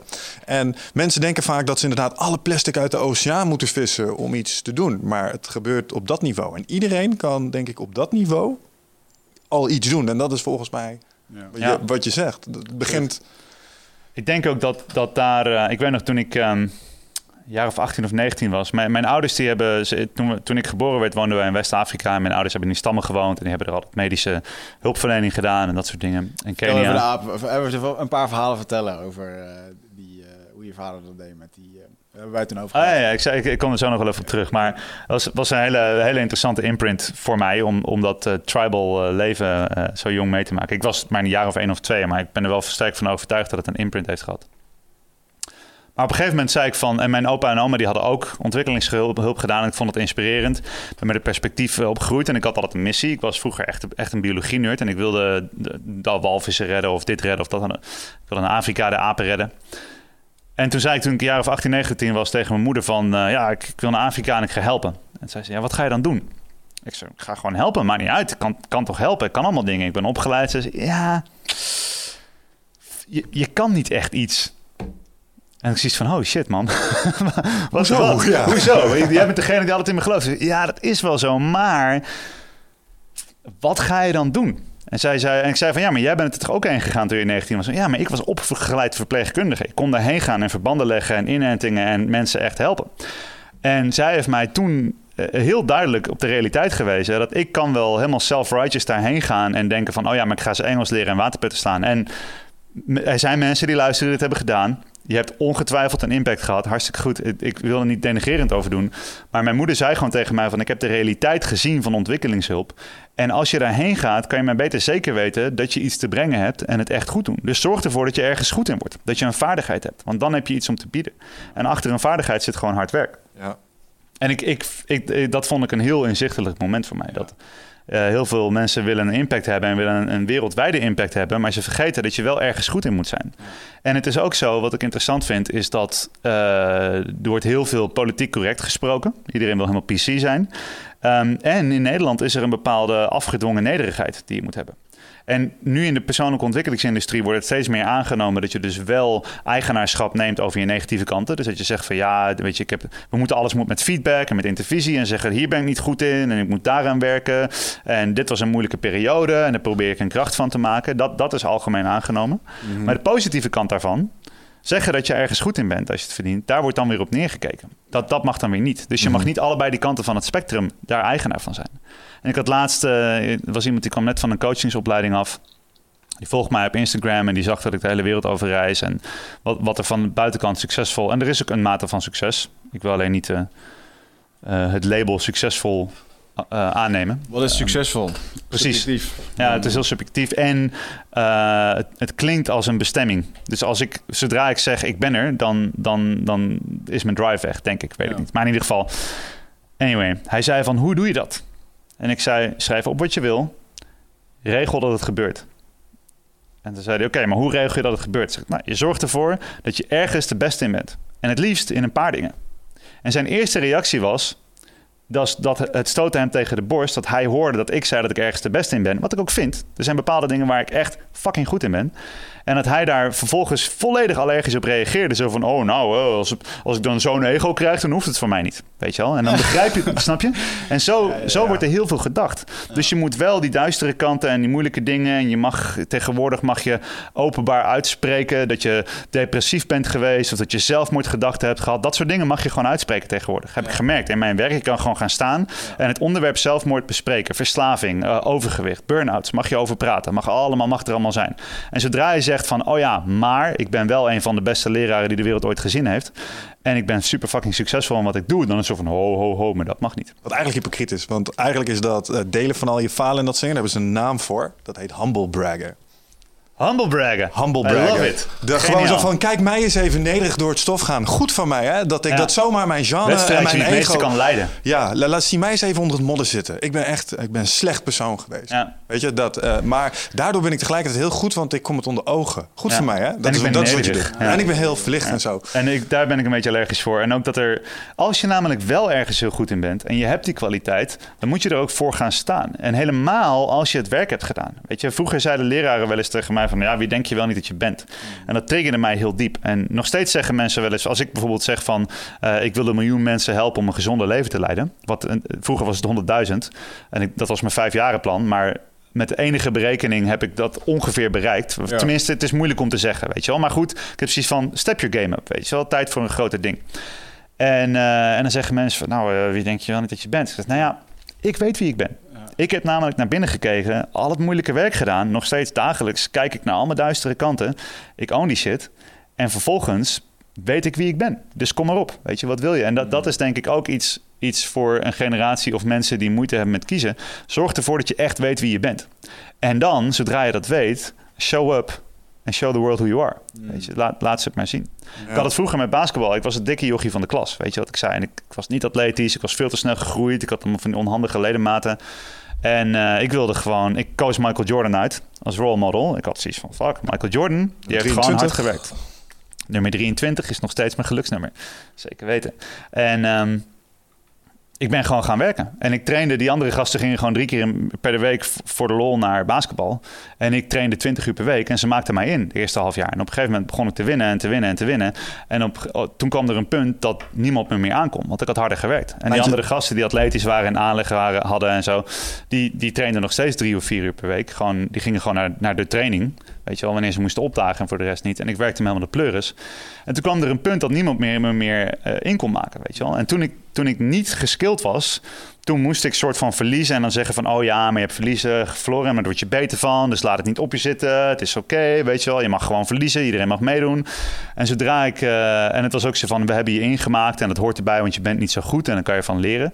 En op het moment dat ik iedereen inmaakte en over het basketbalveld liep... zo van, wat? Wat? Kom dan. Ik maak iedereen in. Ik maak je helemaal stuk. Kom maar, weet je wel. Zo, het was zo van, oh, ho, Kasper, weet je wel. En dat mag dan niet. Ja. Je mag dan niet die, die upside ownen. En je mag niet willen winnen. Je mag niet zeg maar binnenkomen om te overheersen. Weet je wel, daar wordt op neergekeken. Zo van, oh, nee, dat gaat. Is dat niet Ja. gewoon een oerangst? Gewoon een fucking territoriaal gevaar, angst. Holy shit, dat is een grotere aap in de, in de Ja, kamer. Ja. ja. En we hebben ook geleerd dat als iemand anders wint, moet er per definitie iemand anders verliezen. Daar ben ik het niet mee eens. Als ik zeg ik kom om te overwinnen, dan betekent het niet dat die andere persoon heeft, heeft verloren. Als ik naar een congres ga en ik ben de minst bekende spreker en ik heb het kortste stukje, weet je wel, vlak voor de pauze als iedereen nog gaar is, dan kom ik daar binnen om te overwinnen. Dan kom ik echt alsof ik bij een wedstrijd aankom, zo van oké, let's fucking do this. Ik ga ze het even laten zien, Dat weet is, je wel. puur, dat is puur perceptie. Zowel En perceptie van de winnaar als van de verliezer. Maar, precies. Ik, mijn gevoel van een winnaar zijn ontleen ik niet aan het feit dat iemand anders verloren heeft. Dat is gewoon een andere manier van kijken. Het is niet zo als ik, als ik het gevoel heb dat ik heb gewonnen, kunnen jullie ook. Ik wil dat jullie winnen. Weet je, ik had toevallig een gesprek. Iemand die stuurde mij een linkje van Eindbazen. En mijn catchphrase is: Je bent een fucking baas. En mijn, mijn besloten Facebookgroep die heet Mindlift Bazen. Dat is Ja. gewoon iets wat ik roep. Ik roep tegen mensen: Je bent een baas. Gedraag je ernaar. Dat is zeg maar een beetje de catchphrase. Je bent al een baas. Nou, zorg ervoor dat je op zo'n manier handelt dat het tot uiting komt. Zeiden van, Ja, die gasten met een podcast en die bespreken dezelfde onderwerp als jij. En ze gebruiken jouw catchphrase, want ze zeggen ook bazen en het is concurrentie. Maak je daar niet druk om? Natuurlijk niet. Dus als jullie winnen, win ik ook. Want we zitten in dezelfde markt. En dat geldt ook voor, eh, voor al die gasten in deze markt. Weet je wel, het project Leven, please, word zo groot als je kan. Weet je, en al die, al die, alle mensen die er zijn, alle andere mensen, die, coaches, alle eh, mensen die in de gezondheid- en fitnessindustrie zitten. Ik hoop dat ze allemaal winnen. Want hier is het ding, als het goed gaat met iedereen, dan gaat het goed met iedereen. Ja. Weet je wel? Ja. En het vermogen om van elkaar te leren. Het mooiste, mooiste compliment dat we ooit hebben gehad over de podcast kwam van Bas Kodde, die hier ook gast was. En die zei: Jullie hebben gewoon een leerfabriek voor jezelf ingericht. Er komen gewoon allemaal docenten langs. Ja. En die komen je hun kunstje leren. En daar mag je gewoon 2,5 uur naar luisteren. En dat gaat voor jezelf een ongelofelijke hoeveelheid eh, aan kennis en inzicht opleveren. Dat is gewoon mooi. Ja. Als wij hier de uren zouden rekenen van de mensen die hier hebben gezeten... die op een podium staan te praten over het geld... Even ook door, mede door David Allen. Gaan we over, Die heeft het gemiddelde wel flink opgeplust, ja. heen. En Ja. eh, dat is wel heel bijzonder als je dat terugrekent. Ik, Ja. ben ook best duur hoor. Jij bent ook iets van Remco, 100.000 eh, Klaas is ook niet 100.000 euro, goedkoop. ja. Ja, maar het is zo, ja. Ja. En ik denk ook dat als je je focust op, eh, op leren. Dus eh, ik- mijn definitie van succes en van winnen is als ik meer heb geleerd dan dat ik les gegeven heb. En ik leer door les te geven. Dus als ik meer gegeven heb dan dat ik genomen heb. Ehm, dus omdat ik weet dat die leefstijl die ik heb en mijn onderneming, die groeit parallel met mijn persoonlijke groei. Dus, eh, en dat is eigenlijk, dat is wat jullie doen, is slim. Want je verzorgt ervoor dat je in een ruimte zit met iemand die ergens meer van weet dan jij. Dat is ook een reden dat ik ehm, steeds meer mezelf in, in hogere segmenten bluff, zoals profatleten en zo. Want als je ingehuurd wordt als expert, ik, ik, ben niet, ik heb niet het gevoel dat ik een expert ben, maar ja, ik, ik ben een spreker en een leraar, dus ik word ingehuurd om ergens de expert over te zijn. Mm. En het gevaar is dat het, dat het dus heel vaak voorkomt dat ik op het gebied van mijn expertise de slimste persoon in de ruimte ben. En ik heb altijd geleerd, ook thuis, als je de slimste persoon in, in de ruimte bent, dan ben je in de verkeerde ruimte. Want dan, dan stop je met leren. Ik weet nog toen ik eh, bij een of andere gym for free, fit for fuck, weet ik veel wat, zo'n gym trainde. Voor 12 euro per maand of zo. Eh, een budget gym. En ehm, er waren geen mensen, er waren wel mensen die sterker waren dan ik, maar geen mensen die harder trainden. Dus ik had niemand die mij keihard voorbij trainde waar ik me aan op kon trekken. En ik werd daar veel minder sterk. En nu heb ik zelf, een, ben mede-eigenaar van een sportschool. Eh, sportschool, nou ja, een, een gym of hoe je het wil noemen. Ehm, En de meeste gasten zijn sterker dan ik. En ze trainen harder dan ik. Weet je wel, joh, gasten van 22 studenten en die deadliften mij eruit. En dat vind ik super inspirerend. Weet je, daar word, word ik blij van. En irritant. Ja. Eh, het is heel, maar juist omdat ik het irritant vind, wil ik die situatie creëren. Maar daar heb ik een vraag over. En dat, doet, me- dat heeft ook te maken met het stukje eh, social media. Want je zei, eh, social media is heel populair omdat je eh, enerzijds eh, wil weten wat er allemaal gebeurt. Maar anderzijds denk ik ook dat je het wil doen eh, om te laten zien waar je staat in een bepaalde dominantiehierarchie. Dus om jezelf een soort van te kokteren. Want waarom vind jij dat zo inspirerend dat die 22-jarige knullen je eruit tillen? Omdat je beter wil zijn. Er gaat een soort competitie aan, denk ik. Ik bedoel, eh, misschien denken we nu wel te veel als vechtsporters. Maar ehm, als er iemand de mat opstapt en hij is nieuw, eh, je, je vraagt je als eerste af: waar staat deze jongen in de rangorde die we hier hebben? Die iedereen prima kent onderling van elkaar. Ja. Dus zit daar niet zo'n element nog in? En is dat ook niet Ja. iets heel evolutionairs om zeg maar als mannen onderling altijd te willen klimmen in de hiërarchie? Waarom? Nou ja, seksuele selectie. Ik ben daar wel gevoelig voor. Maar ik moet mezelf daar altijd. Ik moet me ook actief erop betrappen. Maar ik maak er ook een punt van om me erop te betrappen. En om te zeggen van ik wil, ik wil winnen, ik wil beter zijn. Oké, luister, ik wil winnen van mezelf. En ik wil beter zijn dan wie ik gisteren was. Ik wil niet beter zijn, ik wil het beter doen dan wie ik gisteren was. Het is prima als je het voelt, het, eh, het primaire gevoel. Maar Ja. ik denk dat de grote, de grote leerschool van is om het te, te leren zien en het van afstand te kunnen bekijken. Maar het begrijpen daarvan is wel, ik vind het wel belangrijk. Want als je, eh, eh, ik hoor wel eens mensen zeggen van al die, al die jongens van millennials, dat zijn allemaal mietjes. Weet je, Ze kunnen niet meer hard werken, ze hebben dunne armpjes, ze zitten achter een kantoor, zitten achter hun games en alles. En dat, weet je, ehm, ik, ik snap wel waar het over gaat. En ik, ik, ik zeg niet, het zijn mietjes, want ze hebben dunne armpjes. Dat, dat het vind ik te ver gaan. Maar het is wel zo dat ze testosterondeficiënties hebben. Omdat ze vanaf hun achtste eh, aan een soort van porno-infuus zitten via een scherm wat in een broekzak zit. Ja, en het dat nou ze echt- allerlei geweld, desensitatie hebben door videogames. En Mhm. allemaal dat soort dingen. En dus niet meer die, die diepe primal eh oerenergie voelen van... hey, die gozer, die is groter en sterker dan ik. En ik ga er eens even voor zorgen dat ik met, met hem kan meten. Ja. Hoe noemde, je, hoe noemde je dat? Het ge- geweldsdeficiëntie? Geweldsdesensiteit. Dus dat betekent dat je niet meer gevoelig bent voor geweldscènes, Ja, waardoor ja, je dus- minder testosteron... Want in, in Ik weet niet of het direct, meer... direct linkt aan de- testosteron. Maar ik, ik bedoel, je ziet gewoon een, een, een, een deficiëntie van mannelijkheid van testosteron. En je ziet het Aha. eigenlijk in heel veel dingen. En dit, dit is echt typisch zoiets. Als je het biologisch gaat bekijken, is het gewoon heel interessant. Dus je hebt die oerdriften wel.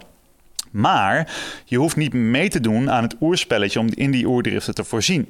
Je hoeft namelijk niet daadwerkelijk naar buiten te gaan en die ene eh, eh, vrouw die jij mooi vindt te benaderen en jezelf eroverheen te zetten en eventjes door die spanning heen te gaan. Al die spanning die je wil voelen, en dit gaat niet alleen voor mannen trouwens, hè, dat geldt ook voor vrouwen, maar mannen onder elkaar. En, en mannen zijn het zwakke geslacht aan het worden daardoor. Die delven echt het onderspit en het onderwijs en in alle gebieden. Dat is interessant. Zodra zeg maar, het, het, het playing field gelijk is, dus nu vrouwen dezelfde kansen krijgen als mannen, zijn ze opeens tegenovergestelde van het zwakke geslacht. En jongens in het onderwijs knallen eruit. ADHD, verslavingen. En dat is allemaal omdat er een hele hoge behoefte is aan nieuwe prikkels. En aan hoe sta ik in de hiërarchie. Dus er is, eh, voor mannen is het heel makkelijk om verslaafd te raken aan agressie. En aan eh, geweld en aan eh, pornografie, wat vaak agressie is. Dat vergeten mensen wel eens. Ze zijn niet zichzelf ehm, eh, erotisch, emotioneel aan het ontwikkelen met seksuele beelden. Ze zijn eigenlijk op zoek naar schokkend, naar, naar shocking, naar de, naar de volgende intense prikkel. Dus in feite zit daar ook veel geweld in. Maar ze hoeven verder helemaal geen fysiologische. ehm, voorwaarden te behalen om die prikkels binnen te krijgen. Want ze kunnen gewoon via hun scherm oneindige hoeveelheden geweld en, en seksualiteit eh, vinden en de hele tijd binnenkrijgen. Dat is buitenproportioneel. Waardoor ze helemaal niet meer die strijd hoeven te voeren. Dus de, de, de driver die je hebt als mens, want vrouwen hebben een soortgelijke driver, maar die, die is wel anders gevormd, die is op andere motivaties gestoeld. Maar er zijn wel overeenkomsten. Maar voor mannen is het probleem, jonge mannen, dat die drivers er wel zijn, maar dat die direct bevredigd worden. Dus instant gratification begint al heel erg jong. Niet er hard voor hoeven werken, begint heel erg jong. En niet meer de behoefte hebben om concurrentie aan te gaan. Dus ehm, dan word je dus daar niet een sterk en gelukkig mens van. Want als je. Ehm, altijd binnen kunt zitten in een temperatuurgecontroleerde ruimte. Je kunt altijd genoeg voedsel binnenkrijgen. Je kunt altijd seksuele prikkels binnenkrijgen. Je kunt altijd het gevoel hebben dat je de sterkste man in de kamer bent door gasten af te schieten op een, op een computer en allemaal dat soort dingen. Dan heeft het lichaam nooit een reden om sterk en gezond en gelukkig te zijn. Hmm. Want al die dingen, dus een, een, waarom zou je een interessant emotioneel leven leiden als je een veel interessanter emotioneel leven kunt leiden achter een scherm, wat de realiteit jou niet kan bieden.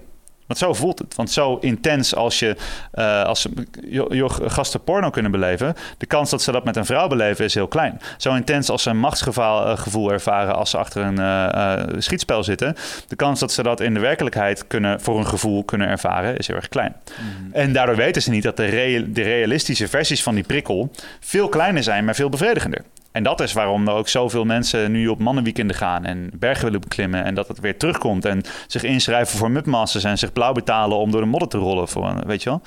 En als je dan kijkt naar de rest van de fysiologie, dus in een, in een daadwerkelijke sociale setting zijn, voelen ze zich zwak. En daar hoort een zwakke houding bij. Dus ze zakken in. En schouders vallen naar voren. Weet je, dat, het sterke, een sterke houding zit bijna niet meer in het dagelijks leven. Want op school moeten ze stilzitten en ingezakt zijn. Achter een scherm doen ze dit. Komen de hele tijd die prikkels binnen. Vervolgens gaan ze hoog in hun borst ademen, gaan ze door hun mond ademen. Want je hoeft niet efficiënt te ademen als je altijd genoeg tevreden hebt en het altijd warm hebt. Dat is ook zoiets. Dus mensen ademen bijna altijd door hun mond, krijgen chronische hyperventilatie, maken meer cortisol aan. Daardoor krijgen ze testosterondeficiëntie, voelen ze zich nog zwakker. Is de, enge wereld, de echte wereld nog enger. Is dus alles wat er achter het scherm gebeurt nog interessanter. Vervolgens komt er allemaal plantestrogenen en allemaal niet behulpzame voeding voor fysiologie binnen. Dus ze nemen een zwakke houding aan waarin ze vastgroeien. Bewegen te weinig. En, en dat is iets waar, waar ik me meer zorgen om maak. Niet zozeer dat technologie er is, maar de manier waarop het de leefstijl zo grondig beïnvloedt. En dat de, de, de basisfactoren die je nodig hebt voor een gezond en sterk leven, dat die weggenomen worden. En dan, naar verhouding, als je dan dus wel daarvoor bijgroeit, dan is dat de bedreiging. En het is makkelijker om het uh, competitieve, overwinnende gedrag af te keuren en te zeggen: Oh, maar jij hebt een groot ego, dus scherm er even weg. Weet je wel? Mm. Dat is makkelijker dan, dan om het aan te vechten.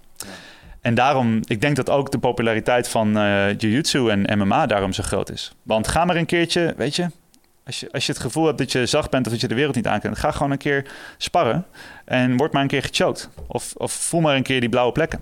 En, uh, of ga maar met die zwaarstillen of hou je schenen open aan een halter als je, als je deadlift doet of zo, weet je wel. En dan, en dan merk je van, oh, wacht eens even.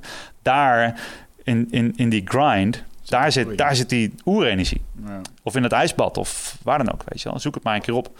Zet maar eens een onmogelijk doel voor jezelf en, en offer jezelf eraan op. Want ik denk niet dat burn-outs komen door het harde werken. Door het harde fysieke werken. Ik denk dat burn-outs eerder komen door het emotionele en het hormonale probleem. Van wat ik net bijvoorbeeld omschrijf. Mhm. Dat mensen hun identiteit linken aan hun uitkomst. Dus mentaal slurpen de energie die ervoor zorgt dat je fysiek uitgeput wordt uiteindelijk. Ja. Zit jij uh, vaak in je hoofd? Uh, neem je heel veel informatie tot je video's, podcast, boeken? Uh, nou, voel je niet schuldig, dat doen heel veel mensen natuurlijk. maar vaak zijn we op zoek naar antwoorden. gaan we nog meer informatie tot ons nemen, terwijl ja, de antwoorden liggen toch echt in onszelf. En dat is iets wat we voelen met ons lichaam. Maar vaak zijn we zo erg in ons hoofd bezig ja, dat we dat ook niet meer, dat we daar niet meer echt goed bij kunnen. En dat is graag waar ik je voor uit wil nodigen. Voor Ride of Passage. 24, 25 en 26 mei is er weer een nieuwe editie. Voor mijn retreat voor persoonlijke ontwikkeling. Waarbij het thema echt is om uit het hoofd te komen in dat lichaam. Want dat is waar je alles ervaart. En ik wil dat je gewoon weer in contact komt met, met die, die intuïtie. Um, en dan gewoon een heel sterk uh, innerlijk kompas. Dat je gewoon weer weet waar je naartoe moet. Wat je te doen staat. En dat je gewoon weer helderheid hebt over wat je wilt en hoe dat je dat gaat doen. En dat doen we middels uh, bio-energetische oefeningen, dynamische meditaties, een stuk shamanisme zit erin. Het enige wat er bekend is van het programma is dat er een zweethut in zit. Uh, en natuurlijk gewoon hands-on persoonlijk leiderschap. Uh, dit retreat krijgt een 9,2 gemiddelde van meer dan 331 deelnemers. Daar ben ik ontzettend trots op. Sterker nog, er is ook een money back guarantee. Vind je niks na drie dagen, krijg je gewoon je geld terug. Dus het enige risico dat je loopt, is dat je gelukkiger wordt. Klinkt dit als iets voor jou en durf je het aan? Dan zie ik je op Ride of Passage. Ga naar wichertmeerman.nl en klik op Retreat. Ja, nou, ik denk dat, dat daar en eh, ik merk dat als we het over hebben, dat we ook wel, eh, we proberen niet al te stellig te zijn, want hè, ze zijn ook een gevolg van de situatie waar ze in terecht zijn gekomen. Maar ik denk dat je toch als het op, op dit eh, aangaat bijvoorbeeld, kijk, zo'n testosteron-deficiëntie is redelijk makkelijk te counteren, denk ik dan. Dan kun je gewoon zeggen, hé, hey, inderdaad, ga maar trainen. Of Ja. hé, hey, laten we eens kijken naar wat je inderdaad naar binnen werkt. En ik denk dat een heel groot probleem daar ook is, is dat ehm, ja, misschien ook weer niet. Want ik wou zeggen, eh, ze krijgen de kennis daarvoor ook eigenlijk niet aangereikt. Want ik begon pas met deadliften en squatten toen ik wist wat het effect was van het prikkelen van mijn beenspieren op mijn testosteronreactie. En toen dacht ik, oh, dit is waarom we benendag niet skippen. Snap je? Dus Ja. het is ook motivation through Precies. education. Ja, through education about big penises, bedoel je. Dat, ja, nou ja, dat helpt altijd wel. Maar Nee, maar het is, dat is zeker waar. En dat is ook waarom ik, eh, toen ik begon met, met Mindlift en mensen vroegen van wat doe je, dan zei ik altijd van ja, ik ben eh, speaker en ik ben, eh, ik ben schrijver, want dat vind, vond ik cool klinken. Want leraar klonk niet cool, maar nu, nu zeg ik weer van nee, ik ben leraar, ik ben teacher, een science teacher. En dat is nog steeds wat ik doe, want ik merk wel dat als je mensen met het juiste verhaal de kennis geeft en vervolgens verhaal kennis koppelt aan praktische toepassing, dan hebben mensen iets van, oh, wacht eens eventjes, het is best eenvoudig. En dat is wat ik denk dat bijvoorbeeld het onderwijssysteem richt zich er nu nog steeds op dat alle mensen op dezelfde manier in dezelfde lokalen kunnen zitten en dezelfde, zeg maar, grijze massa aan stof kunnen leren. En eh, dat is waar het onderwijs nu op over gaat. Mhm. Eh, Tenminste, het voortgezet onderwijs. Het is de enige trouwens waar nog echt een poortselectie is van een gestandaardiseerde toets. Ehm, terwijl je kan van de basisschool afkomen met een heel goed VWO-advies met een slechte CITO-score. Dat is een hele goede ontwikkeling. Want dan kijken ze namelijk naar de kwaliteiten. En het onderwijssysteem zou eigenlijk als doel moeten aannemen om mensen te leren om zelfvoorzienend te zijn in hun gezondheid en in hun leervermogen. Dus als je van school komt, moet er eigenlijk niet op een papiertje staan: deze persoon is in staat geweest om 35 uur per week stil te zitten, deze kennis te onthouden en het op dit papiertje weer eruit te poepen. En daar heeft hij een 8 voor gekregen. Hij kan overleven in de Als ik het ongenuanceerd zeg, dan staat er. Maar deze persoon kan zijn eigen gezondheid aanvoelen, meten, een interventie inplannen en het resultaat bewerkstelligen. Deze persoon kan een leerrichting kiezen en zelfsturend zijn in het vinden en beoordelen van informatie en het toepassen in het eigen leven en vervolgens daar wat mee te kunnen doen. Ja. Dus het zelfsturen van je welzijn en het zelfsturen van je leren, dat is het enige wat het onderwijs nog hoeft te doen. Want zodra je Google hebt en je hebt de vraag van, oh wacht eens even, ik kan iets met mijn testosteron, je tikt het in, je vindt de Bulletproof website, je vindt Onnit, je vindt al die vette bronnen, je vindt de Tim Ferriss podcast en je kan T-Nation, al die dingen, je kan het gewoon Ja. leren. En binnen een week heb je het zelf gevonden, binnen een week ben je aan het deadliften Ja. en aan het asskicken. Eigenlijk wat je zegt is, je moet ze leren vissen in plaats van ze een vis geven. Je moet ze equiperen met technieken. Een mooi voorbeeld is, eh, hoeveel studenten zouden er wel geen plezier hebben van de Tim Ferriss eh, meta-manier van leren, zeg maar. Hoe, Ja. je, hoe je zeg maar, een taal kunt terugbrengen. Wat jij aan het doen bent met Ja, Portugees. ik ben nu Portugees dan. Ik ben nu anderhalve maand echt bezig. En echt op Tim Ferriss manier. Dus eh, dagelijks met iemand in Brazilië via een of andere 10 euro app eh, zit ik gewoon te, te, te kletsen. Super cool. Ik ben twee weken naar Brazilië of naar Portugal geweest om het dan te doen. Een beetje aan mijn boek te werken en te doen. En het, het werkt, jongen. Ik heb gewoon lijstjes thuis, thuis lijstjes hangen en zo. Ik kan een beetje een gesprekje voeren. Het is moeilijk, maar ik heb nog anderhalve maand te gaan voordat er twee weken een of andere Indiaan bij mij in huis zit. dus dan hoort het erop of eronder. je koffiekopje te roeren, zo, mm, oké.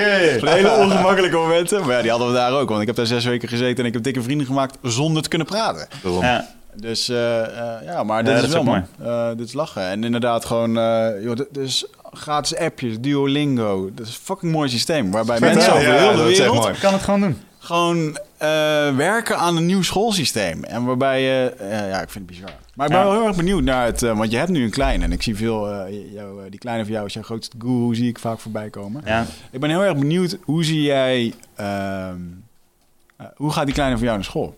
Wat ga je daarmee doen? Weet ik nog niet. Nee. Kijk, als het gaat om ouderschap. En dat is, ik heb altijd een soort van disclaimer. En ik praat ook genuanceerd over de millennial generatie en zo. Omdat ik een van mijn ochtendrituelen is om me te realiseren dat ik geen fuck weet over wat dan ook. Zeg maar gewoon zo van. Eigenlijk weet ik eigenlijk helemaal nergens over. En hoe meer ik leer, hoe meer ik me realiseer dat ik er niks over weet. Interessant genoeg gaf ik.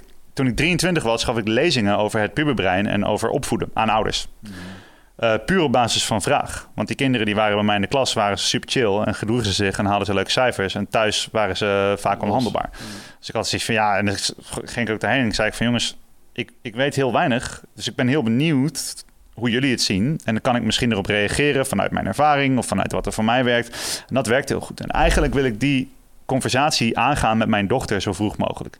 Betekent niet dat ik vind van, oh nee, ze moet vrij zijn en kunnen spelen en alles zelf kunnen bepalen. En ik stel ze alleen maar vragen. Zo is het niet. Het is een, het is een, een, een tweerichtingsverkeer waarin ik probeer me ervan bewust te zijn, ik weet niet hoe de wereld werkt. En, en het is op social media, ziet het eruit alsof ik mijn shit voor elkaar heb. Maar als je echt leest wat ik schrijf, dan staat er... hey, kijk, ik vond dit altijd super moeilijk. Nu heb ik dit uitgevonden en ik pas dit toe. Dat kan je ook proberen. Vertel me hoe het gaat. Dat is wat ik zeg. Dus ik ben bezig met een feedback loop. Ik ben niet aan het zeggen, kijk, ik ben een expert. Ehm, dat is één ding. Wat ik met mijn dochter probeer te doen. Ehm, maar waar ik nu wel heel trots op ben, afgelopen anderhalf jaar, of iets meer dan anderhalf jaar dat ze nu met ons is, is dat ik haar een voorbeeld heb kunnen geven van een leven wat uh, anders is dan wat er altijd voorhanden was. Dus, dus zij heeft een soort van um, imprint. Dus ik geef heel veel seminars en workshops over de hele wereld. Zij is nu geloof ik in zes of zeven verschillende landen geweest in de eerste anderhalf jaar. En ze heeft uh, zo'n twaalf verschillende talen gehoord. En de soort groepen waar ik mee ben. Dus er komen 20, 25 mensen naar een seminar. En die, die komen heel erg open. En ik werk ook met ze om ze heel erg open te krijgen. Uh, open mind. Um, om echt dingen te verwerken, naar hun programmering te kijken. Hoe kan ik mijn leven veranderen? En wat er dan gebeurt als mensen dat samen doen, is er ontstaat echt een stam. Een hechte stam van mensen die even dat, die vier dagen of die week echt met elkaar aan het uitzoeken zijn. Dat is een hele bijzondere energie. Wat je misschien hebt gemerkt toen je in de jungle was. Er mhm. ontstaat een soort van hive mind.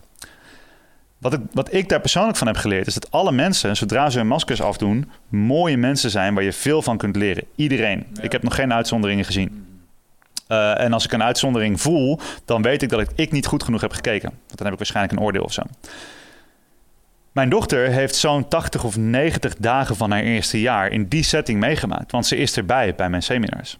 Um, soms ben ik op een plek waar de mensen uit, uit tien verschillende landen zijn. En dan zeg ik aan het begin, dat is mijn dochter. Ik wil graag dat ze de wereld meekrijgt. Alsjeblieft, vind 10 of 15 minuten om haar aan te kijken en in je eigen taal met haar te spreken. Want ik weet dat die taalgevoelige periode, die slaat in de eerste, zeg maar tussen 9 en 12 maanden, slaan ze de taaldatabase op. Dus geen grammatica, geen woorden, maar alleen taal. Eh, ze, ze kan nu 12 Engelse woorden. Nee, ik moet zeggen, ze kan nu ze kan tien Engelse woorden. Want shit en fuck tellen we niet mee. Ja. dat waren de eerste.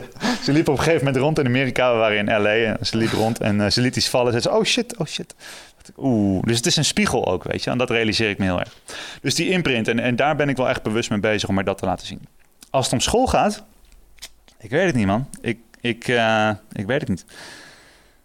Uh, ik wil op zoek gaan naar een school die onze internationale leefstijl in principe zou kunnen ondersteunen. Dus ik heb de overtuiging dat als ik met mijn dochter een maand naar Amerika ga en we wonen daar op een plek waar we vrijwilligerswerk doen en ze gaat naar een school daar in de buurt, dat ze daar op zijn minst evenveel leert als dat ze in Nederland in de eigen school leert. Dus ik ga op zoek naar een school die dat uh, weet te verantwoorden. Uh, dus dat is waarschijnlijk een internationale school met expats die dat vaker moeten doen. Dus die zijn er wel.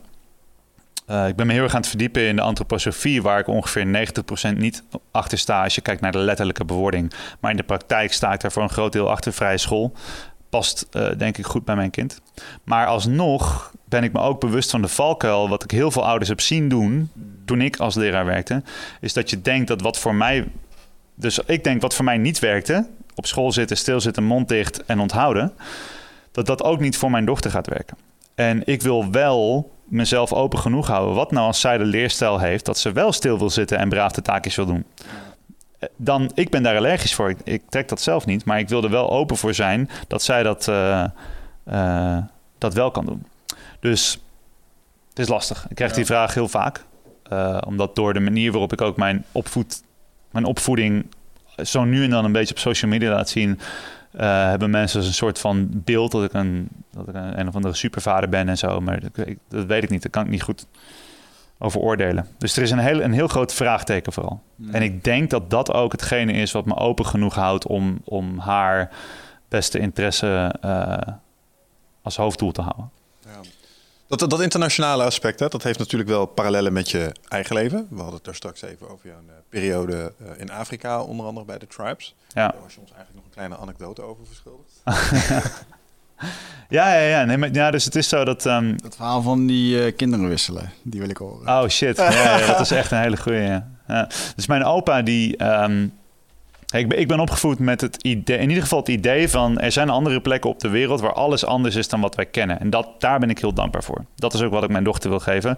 Dat je dus weet dat je opgroeit met het bewustzijn dat alles wat je gelooft, alles wat je ziet, alle dingen die werken in je directe omgeving, dat je alleen gelooft dat die waar zijn omdat ze je directe omgeving zijn. Dus met dezelfde stellige overtuiging dat ik bijvoorbeeld rassenscheiding en discriminatie of, of het niet hebben van een homohuwelijk het meest waanzinnige ooit vind.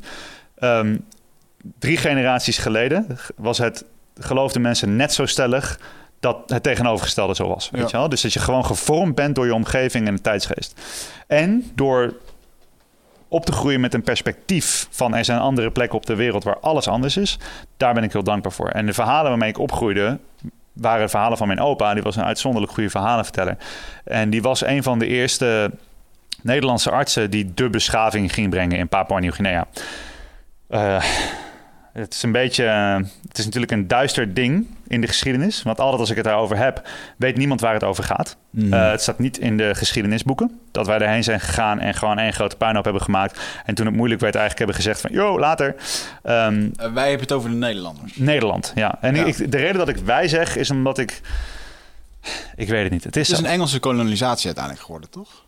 Uh, ik, weet, ik, ik, ik heb me ook niet genoeg erin verdiept om alle details te weten hoor. Ik, ik ben me de laatste tijd pas echt mee bezig geweest. Maar wel met de realisatie dat een heel groot deel van de privileges die ik heb, mm. dat ik die heb omdat historisch gezien Nederland zich bezig hield met het uitmelken van andere plekken ja. en andere werelden. En andere... baas man. Ja. VOC-mentaliteit. Ja. De VOC-mentaliteit. Man, ik zat van de week met de gast uit San Diego en die zat in Amsterdam te lunchen. Iemand die ik ken en uh, die daarop ontmoet en die was in de stad. Nou, anyway, ik keek om zich heen, oh, en al die bruggen en die monumenten en allemaal mooi in die gebouwen. En, en ik had echt, het is misschien heel pessimistisch, maar ik keek om me heen en ik zei van ja, elke baksteen die je ziet, elk monument en brug is gewoon bloed, man. Het is gewoon fucking bloed en lijden van, nou ja, anyway. Laten we daar niet in gaan. Maar goed, mijn opa kwam de beschaving brengen in uh, Papua Nieuw-Guinea. En hij was een arts en hij kwam ook echt om te helpen. Interessant genoeg waren heel veel van die volkstammen aan het overlijden van een worm... die ze nog nooit eerder hadden gehad. Maar gelukkig waren toevallig net de Nederlanders daar... om ze te helpen met het uh, inenten tegen die worm. Die ze puur toevallig hadden toen de Nederlanders kwamen. Anyway. Bespeur je nou een klein beetje sarcasme? Of, uh... Nee, nee. Maar uh, ja, maar uh, dus het is interessant. Het is natuurlijk altijd gissen wat er gebeurde. Maar mijn, mijn, opa die had als taak om de volkstelling te doen... en om te kijken hoeveel mensen er medische hulp nodig hadden... en hoeveel mensen er beschaving nodig hadden. Ja. en die ging dus op, zo, op een prauw, zo'n uitgerold boomstam... ging die, die riviertjes af en hij maakte eerste contact met mensen. En dat, dat is een omgeving waar het primitieve leven ook echt... Het waren echt krijgersstammen die het heel zwaar hadden. Een hele zware omgeving om te leven. weet je wel, gifpijlen, speren... Cannibalisme ook. Uh, cannibalisme. Dat, dat is alle, nog steeds overigens. Alle, alle zeg maar mythes in de populaire media over de cannibalisme in stammen... Uh, die komen voornamelijk uit, uit die omgeving, de headhunters zogenaamd. En die hadden Zie de dan... openingscène van Indiana Jones, zeg maar. Als Precies, hoor. ja. ja. Die, die, die stigma's die komen uit dat, die omgeving. En die, die waren voor een deel, was dat ook wel zo. Er waren bepaalde rituelen. Maar ja, in de westerse wereld hebben we geen begrip meer van hoe rituelen werken... en, en hoe, waarom iemand uit een mensenschedel zou drinken.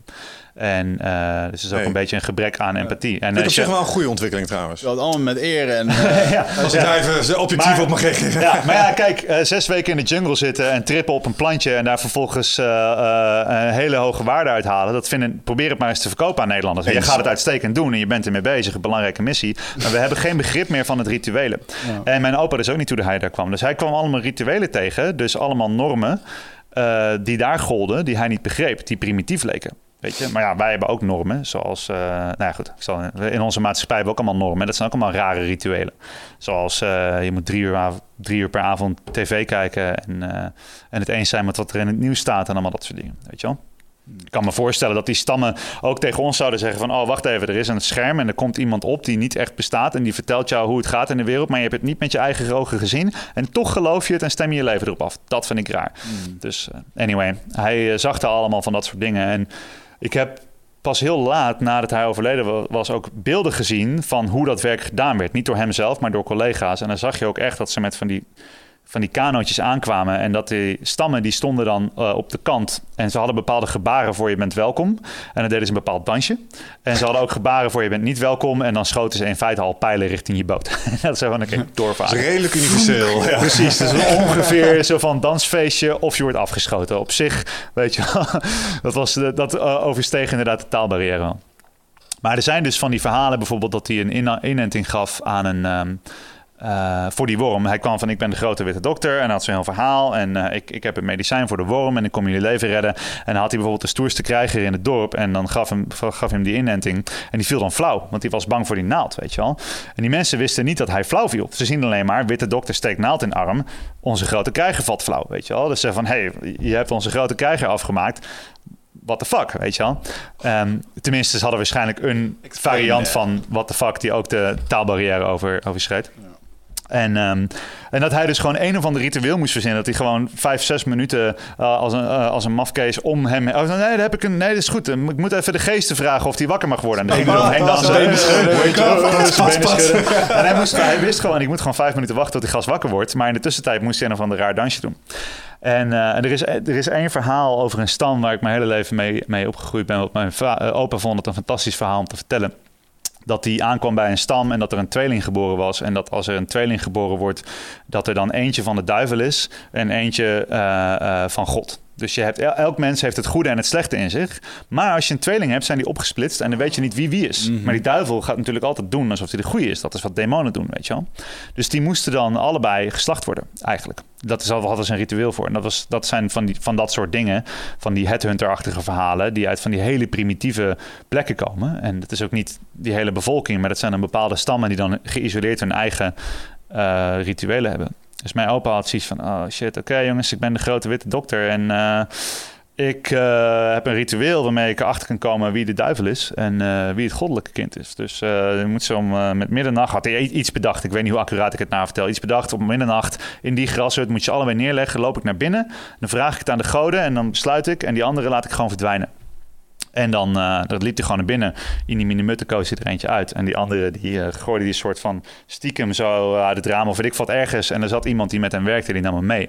En dan zorgden ze voor het kind. En dan hadden ze opeens zo'n zo'n kind om, om voor te zorgen. En vervolgens, eh, en ik... heel veel van die verhalen vind ik zelf nog te bizar om te geloven. Maar ze hadden op een gegeven moment dus dat kind. En toen kwam er een moment dat die... eh, dat ze bij een andere stam waren waar een vrouw in exile was omdat ze geen kinderen kon krijgen. Dat iets van hey, 1 en 1 is 2. Eh, ik eh, ken toevallig die god die die kinderen regelt. Als jij nou om 12 uur s'nachts daar het bos in loopt met middernacht, dan eh, zorgt die god ervoor dat jij dat kind krijgt. En dan gaven ze gewoon het andere kind. Weet je wel, zulke fucking bizarre verhalen waarmee ik opgegroeid ben. En het leuke is dat ik het vond het altijd moeilijk om te geloven. En toen zag ik dus een documentaire van zijn enige collega. Er waren twee artsen actief daar die dat werk deed. En dat je dus echt dat ziet. Dat ze echt confrontaties hebben met die stammen. En dat is zo'n mind-opening manier van kijken naar de wereld. Dat, dat de dingen die zij geloven is heel makkelijk om daar kleinerend over te doen. En om, om te denken van ja, maar ze weten helemaal niks. Ze begrijpen het niet. Maar ze gaan alleen maar af op de meetmiddelen van waarheid die ze daar hebben. En dat doen wij ook.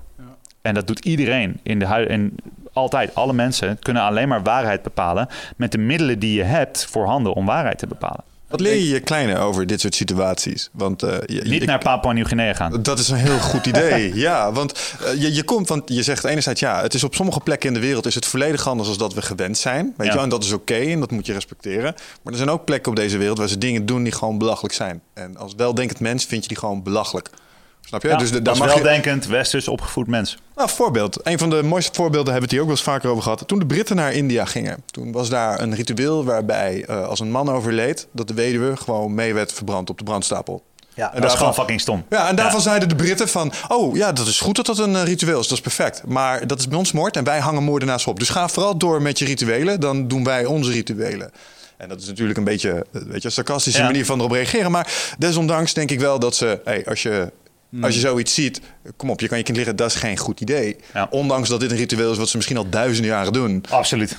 Absoluut. Nee, tuurlijk. En dat is ook, weet je, dat, dat, dat zeg ik altijd eh, als mensen zeggen van, van de Zwarte Pieten discussie, die we niet gaan voeren, maak je geen zorgen. Maar dan zeggen mensen van, ja, maar het is traditie. Ik, ja, vrouwen besnijden is ook, is ook traditie in heel veel landen. Weet je, wat? Hoezo, het is traditie. Het is geen argument. En ik denk dat, en dat het heel belangrijk is, en dat is ook iets, dus je moet politiek correct zijn, maar je mag ook niet meer genuanceerd zijn. En heel vaak uh, vooral bij interviews of zo, weet je wel, dan, dan, dan stellen mensen vragen en dan geef ik een antwoord. En dan zeggen ze van, ja, maar neem nou eens een, neem nou eens een standpunt in. Nee, pak nou eens gewoon echt een stelling. En dan, en dan proberen ze me in een hoek te drijven. Dat gebeurt niet heel vaak hoor, maar ik heb het wel eens meegemaakt. Neem nou eens een standpunt. En dan zeg ik, nee, ik heb geen standpunt. Want ik weet er niet genoeg van af om er een standpunt over te vormen. Hmm. En dan, dan ben je dus voor de media een oninteressant figuur. Uh, maar dat is wel de waarheid. De bereidheid, en het is een script wat ik mijn, mijn leerlingen ook wel eens aanleerde. Het script ik heb niet genoeg kennis en inzicht om hier een welgevormde mening over te hebben. Mooi antwoord. Die zin. Wat neutraliseert alles. Is echt gewoon magie, want dan kan je een gesprek voeren. Hmm. En ik heb wel genoeg kennis en inzicht om een gevormde mening te hebben over brandstapels. en over vrouwenbesnijdenis en dat soort dingen. Weet je? Mhm. Dus er zijn, sommige dingen zijn gewoon helder dat de mensheid er langzamerhand achter komt dat bepaalde dingen wel en niet goed zijn. er zit ook een trend in dat, dat er steeds meer mogelijk is. Het is wel een tweesnijdend zwaard, omdat het ook wel die situatie van paralysis by analysis dat is waar. Uh, benadrukt of in ieder geval in de kaart speelt. Ja. Want als je nooit ergens iets over weet, zou je eigenlijk nooit tot besluit over kunnen gaan. Want ja, er is altijd nog wel iets nieuws om te weten. Maar ergens ligt er wel een kantelpunt, denk ik. Mm. Absoluut. Ja. En daarom is het ook belangrijk om jezelf te kennen. En om, om, dus, um, te kunnen, uh, om dus ook te kunnen zeggen. Uh, ik ben het er niet mee eens, in plaats van dat is slecht. En dat, dat je op basis van je, als je jezelf echt kent en je weet, dit, dit vind ik waar en belangrijk, dat je vanuit je eigen uh, waarde kunt handelen. Um, zonder te denken dat iedereen vanuit die waarde zou moeten handelen. Maar dat je wel kunt handelen. Dat je wel zegt van oké, dit is mijn grens. Dit, weet je, en ik, dat, dat, ik denk dat dat belangrijk is. Ik denk dat dat ook iets is wat, wat aangeleerd moet worden om, om wel um, een bepaalde richting te geven aan je leven. Waarin je. Of aan het grote collectief. Want iets waar we in het begin over begonnen is dat een van de dingen die je kan doen is eh, een positieve invloed hebben om de directe mensen om je heen. Dat is waar, ja. En dat cascadeerde door. En toen zat ik denken, ja, maar eigenlijk als je het op die manier bekijkt en je kijkt naar wat de mensheid doet, eigenlijk zijn we ook gewoon één groot organisme waar je een onderdeel van uit bent. En wat doet dat organisme? Steeds meer complexiteit vergaren. Meer info, steeds uitgebreider, ingewikkelder worden. We hebben nu een heel, een heel bestaan ernaast gecreëerd, parallel aan dit bestaan. Dat, dat noemen we dan het internet. Ja. En daar kun je tegenwoordig ook, we hadden het er straks nog over, fysiek manifesteren middels VR tegenwoordig. Ja. Als je het nou hebt over waar we mensen dood aan gaan thuisvinden, aan een porno-infuus en internet en je sterk voelen. Ja. Dat gaat niet helpen in dat verhaal, kan ik je verklappen. Zo'n pomp die gewoon zes weken lang zit te pompen. En terwijl iemand al zes weken dood achter zijn computer ligt, maar niet uit zijn, uh, een keertje aankloppen. En dat dan nog steeds die film op repeat staat. Ja, ja en dat niemand alles is geautomatiseerd de Shepnick Story. En dat zijn van die, van, die, van die dystopische wereldbeelden. Het zou erheen kunnen gaan. Ik denk dat het, het gebeurt ook al wel mm. op bepaalde plekken. Maar ik weet niet of dat de trend is. Maar ik ben het met je eens. En ik vind het mooi dat je dat zegt. Dat de mensen een soort van hyperorganisme aan het worden.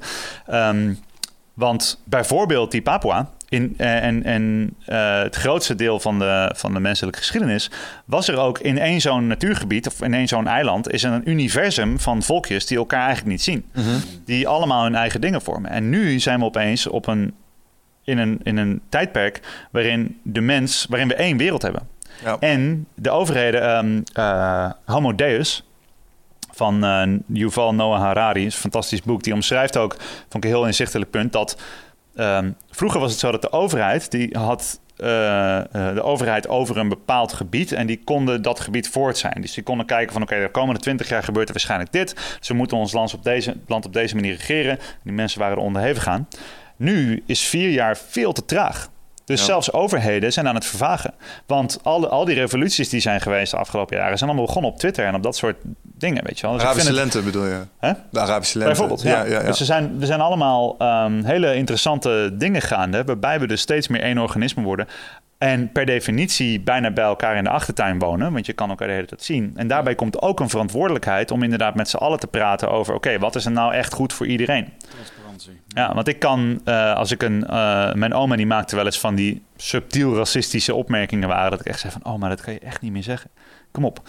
En maar wel, dan moet ik realiseren dat zij het als kind gehoord van iemand die twee generaties ouder was, die nog langer geleden leefde, waar dat normaal was. Maar dat mm. betekent niet dat we dat moeten accepteren. Dus dat we al die trends van dat langzamerhand mensen genuanceerder worden, uh, of dat ze meer open gaan staan. Ik denk, ik denk dat het goede dingen zijn. Ik ben vooral heel erg enthousiast en nieuwsgierig om te gaan zien op wat voor manier het uh, gaan, ons gaat beïnvloeden.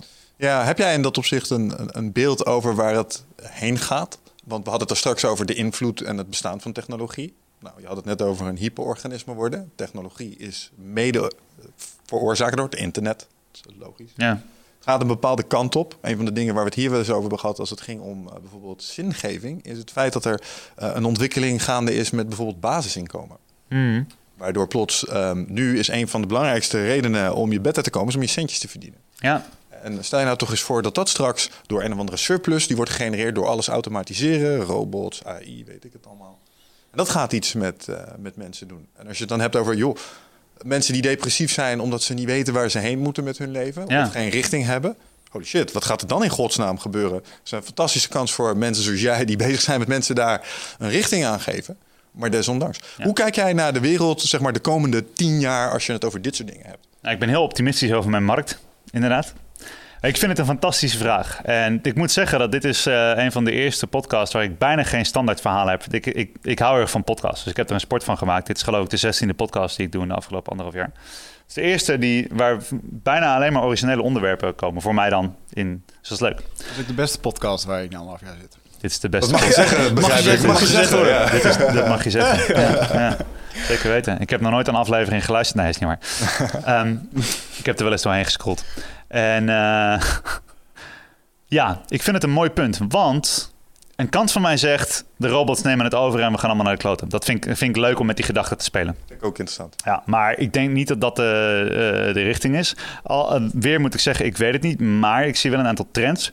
En ehm, wat ik vooral interessant vind, is het grootste deel van het menselijk bestaan dat wij kennen, dus vanaf de agrarische revolutie, dus dat is waar ontwikkeling eh, kwam. Dus de eerste 90.000 jaar leefden we, voor zover we weten, als jager-verzamelaars. En dan was je gewoon bezig met je eigen talenten zo goed mogelijk benutten om ehm, de stam zo goed mogelijk te dienen. Dat is eigenlijk een hele fijne manier van leven. Want niemand zei van, oké, het kan wel zijn dat jij verhalen wil vertellen, maar jij moet hier in de fabriek staan. Het kan wel zijn dat jij wil jagen, maar je moet, nee, verhalen vertellen kon verhalen vertellen, de jager kon jagen.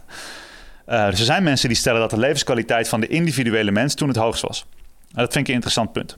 Dat is ook waarom ik die, voor, zover we weten, die, voor, zover, voor zover er kennis beschikbaar is over die stammen, dat ik die zoveel mogelijk wil bestuderen de laatste tijd. Het het paleo-principe vind ik interessant, eh, maar die manier van denken vind ik leuk.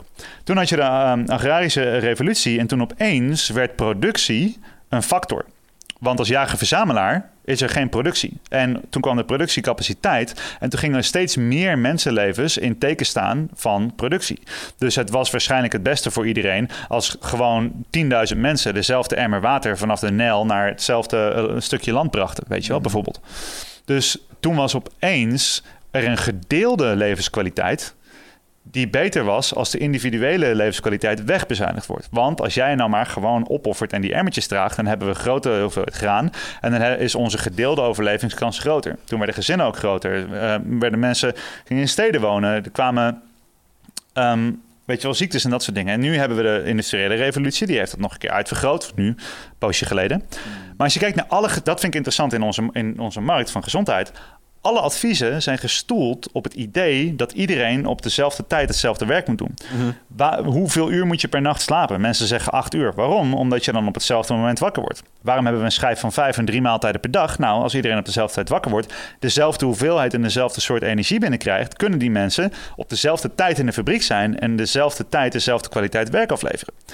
Dan moet je lunchen, want je moet nog zo lang werken. Dan moet je avondeten, dan moet je slapen. En na het avondeten, dus de, bijvoorbeeld een van de dingen die ons luxe leven hebben, is dat we van 80 uur werk naar 40 uur werk per week zijn gegaan. Wat doen we met die 40 uur per week? Statistisch gezien, er zijn grafiekjes vrij. TV kijken. dus we worden bezig gehouden, weet je wel. Dus alle, al, al die dingen die we geloven, die zijn gevormd om productiviteit voorop te stellen. Wat betekent dat? Is productiviteit is een belangrijkere factor dan individuele levenskwaliteit. En dit is voor het eerst in de geschiedenis van de mensheid dat dus productiviteit, eh, territorium, overleving, weet je wel. Dus om, eh, omgaan met ziektes, eh, genoeg voedselproductie en oorlog. Mensen waren belangrijk omdat mensen nodig waren om te voorzien in productiviteit en oorlog voornamelijk. Dus wat we nu hebben is opeens een tijdperk waarin er bijna geen oorlog meer is. Statistisch gezien, vergeleken met eerder. Er is bijna geen armoede meer. Er is meer dan voldoende eten. Het is nog slecht verdeeld, maar dat fixen we wel in de komende tien jaar.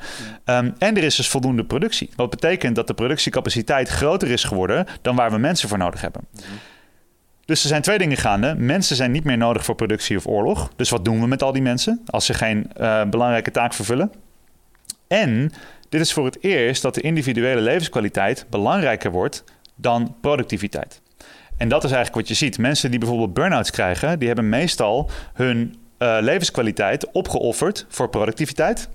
dus productiviteit was belangrijk, ze offeren zich op. Dan is het de koek op, krijgen ze een burn-out en dan gaan ze zich afvragen... maar hoe zit het eigenlijk met mijn levenskwaliteit? Dus voor heel veel mensen is een burn-out het beste wat ze ooit is overkomen... want daarna zijn ze gaan zeggen, wacht eens even...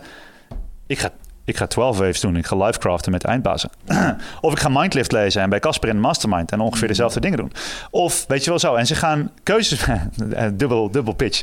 Ja. Um, en ze gaan keuzes maken waarbij hun persoonlijke levenskwaliteit dus in het teken staat. En dan veranderen ze de koers van hun leven. Een nieuwe generatie wordt geboren met: nee, ik wil dat mijn kind gelukkig is. Dat papiertje maakt me niet uit. Ik wil dat mijn kind het goed heeft. Dus die kinderen die krijgen alles. En dat is de millennial generatie die zogenaamd geen moeilijkheden hebben gehad. Nou ja, ze krijgen ze nu, want ze hebben het moeilijk. Want ze zijn millennials. dat weet je wel. Dus er komt vanzelf moeilijkheid aan. Um, dus we zijn op een kantelpunt waarin alles is te leren. Je kan alles bestellen, alles is mogelijk. Dat is wat ik in het eerste uh, uh, hoofdstuk van mijn boek beschrijf. Vervolgens zijn we daardoor overprikkeld en hebben we problemen. Dat is waarom mijn boek de oplossing is voor alle moderne problemen. Dat is niet helemaal waar. Maar um, en nu is de vraag, waar gaat het heen als levenskwaliteit belangrijker is? Dus stel je krijgt um, basisinkomen. En alles is voorzien. Mensen hoeven als ze werken maar 15 uur per week te werken. Mensen zijn in staat om met dat basisinkomen, met al alles wat geregeld is. Want langzamerhand worden algoritmes, machines, robots, AI's beter in de meeste dingen doen die mensen doen. Uh, een van de grootste beroepen in Amerika is vrachtwagenchauffeur of chauffeur in het algemeen. Mm. Over vijf jaar zijn die niet meer nodig. Wat gaan die doen? En dan zijn er twee kanten om op te denken. De ene is, oké, mensen zijn biologisch luie wezens. Die worden, dan krijgt ja, Wally, het Wally-Pixar-principe. Ze worden tevreden gehouden, er wordt vreten ingegooid, er wordt entertainment ingegooid, stilzitten. De levenskwaliteit van de mens daalt, de gezondheidsverwachting daalt. Op een bepaald moment zijn die algoritmes zo intelligent en bewust dat ze realiseren dat het in leven houden van de mensen uh, zinloos is en dat die beter wegbezuinigd kunnen worden, zodat de productie nog verder uh, exponentieel kan groeien. Mhm. En de robots maken alle mensen dood. Dat is zeg maar. Skynet. Als je, ja, Skynet. Maar als je kijkt naar wat heeft het nut nog van de mens. Dus dat is een kant om op te denken die is pessimistisch. Mijn vraag is: die stam waarbij jij was. De mensen die nog leven op die manier, zoals uh, 190.000 jaar geleden, die zijn bezig met. Dus iedereen in die stam heeft de verantwoordelijkheid om de meest optimale expressie van zijn leven te vinden en dat in dienst te doen van de stam. Dat is hoe het stamleven werkt. Je mag er zijn. ADHD'ers bestaan in een schoolsysteem waar iedereen hetzelfde moet zijn. Een ADHD'er in een stam is niet een vervelend rotkindje wat niet stil kan zitten. Dat is die ene gozer die gelukkig niet stil kan zitten. Want die, gaat, die vraagt zich af, wat is er aan de andere kant van het water? En die anderen zeggen, Maakt me niet uit, het is hier veilig. En die gast met het ADHD-brein zegt: Hou, maar wacht even, ik ga een bootje bouwen, ik ga kijken wat er is. Die vindt nieuwe gronden, snap je? Dus die had een rol. Mhm. Dus nu gaan we weer naar een plek toe waar we niet meer het leven en doodleven hebben van de jager-verzamelaar, maar wel individuele levenskwaliteit en het vermogen om ieders unieke talenten en uitzonderlijkheden in dienst te laten ontwikkelen van de menselijke ontwikkeling. Dus de mensen die denken dat de robots gaan winnen, die, denk, die, die gaan ervan, denk ik, van uit dat mensen als nut hebben om oorlog te voeren en te produceren en ervoor te zorgen dat de straten geveegd zijn en dat er eten in de winkel ligt. Maar als mensen daar niet meer voor nodig zijn, wat gebeurt er dan? En daar ben ik optimistisch over, want dat betekent dat bijvoorbeeld de ontwikkeling van het bewustzijn opeens weer kan gaan gebeuren. Want het, het echte diepe ontwikkeling van spiritueel bewustzijn, dat gebeurt pas over het algemeen als het goed gaat met mensen. Als ze zich kunnen uiten. Ja, handen dus, vrij hebt ook. Precies. En wat nou als zometeen 12 miljard mensen, waar het heen gaat, allemaal zich bezighouden met de dingen waar bijvoorbeeld die monniken mee bezig zijn. Of die stamhoofden. Mm. Of uh, die mensen die transcendale meditatie doen. Wat nou als al die mensen opeens niet meer zich druk hoeven te maken om productie en oorlog, maar allemaal het bewust menselijk bewustzijn kunnen gaan ontdekken. Wat nou als de volgende stap in de evolutie van de mens is gebottlenecked door het feit dat er te veel van ons uh, straat aan het vegen zijn en vakken aan het vullen zijn. Ik heb niks tegen straten vegen en vakken vullen, maar de meeste mensen, voor de meeste mensen is dat niet hun meest optimale expressie. En daar word ik ongelooflijk geïnspireerd en optimistisch van, want ik geloof dat er, dat er uh, dat er een volgende stap is in menselijke ontwikkeling, die al gaande is, want we hebben opeens veel minder oorlog. Veel meer mensen begrijpen van nature dat slavernij slecht is, terwijl dat duizend jaar geleden van nature vanzelfsprekend is dat slavernij goed is. Snap je? Dus opeens is er een heel groot, steeds groter collectief bewustzijn. Er is allemaal onvrede. Dus, dus het verkiezen van uh, of de winst van Wilders of het verkiezen van Trump, zie ik als symptomen, stuiptrekkingen van het uitsterven van het oude systeem. En er komt iets nieuws aan. En we mhm. hebben een medium waarmee we allemaal in contact kunnen staan. En als onze breinen straks allemaal ingetuned zijn in, zijn in, in, in, in, de, in de matrix, of hoe je het ook wil noemen, weet je wel. Als we allemaal die hyperconnectie hebben, wat gaat er dan broeien? Ik ben optimistisch over het feit dat we gaan ontdekken wat het daadwerkelijke, de daadwerkelijke kracht is van het menselijke uh, bewustzijn. En als je een keer uh, medicijn hebt gedronken in de jungle, dan denk ik dat je dat toekomstbeeld hebt gezien, dat je het hebt gevoeld. Ik denk dat als mensen hun bewustzijn openen, dat ze dan gaan, dat gaan voelen. En dat is denk ik, ik, ik denk dat de hippies gelijk hadden. Daar komt het meer. New Age hippies hadden gelijk. Alleen ze deden het verkeerd. Ik kijk daar op, op, twee gedachten. Enerzijds denk ik dat de, de, technologische ontwikkeling die we nu aan het inzetten zijn. Kijk, als we kijken naar het universum, hè, Ehm, dan komen we erachter, we, zijn, we hebben het over ADHD'ers. Nou, alles wat jij over je jeugd omschreef, wauw, dat herken ik heel erg. En uh, wat ik heel erg zie is dat deze aardkloot, zeg maar, uh, er zijn bijna geen riviertjes meer om over te steken. Dus wat is de volgende stap? En we hebben een paar hele slimme natuurkundigen. Stephen Hawking bijvoorbeeld, die zegt... hey, het is een beetje als Holland Casino. Spreid je windkansen. We moeten van deze aardkloot af en we moeten naar andere sterren. Ja. En er zijn een boel mensen die zeggen... die technologische ontwikkeling die is nodig om robots te maken. Misschien moeten mensen zelfs wel deelrobots worden, want die biologische schil die is, die is te snel Vind dood. ik een meer aannemelijk principe. Ja. Kun, je, kun je niet mee naar de sterren. Maar dat gaan we wel doen, want we hebben een boel mensen die graag altijd naar de volgende horizon willen. Dat is één. Ehm, en dan denk ik, als dat waar is, dan is die staat van verlichting waar je het over hebt, misschien helemaal niet zo'n goed idee. Want wat diezelfde Stephen Hawking zegt, is: uh, hey, je gaat een grote ecosysteem in.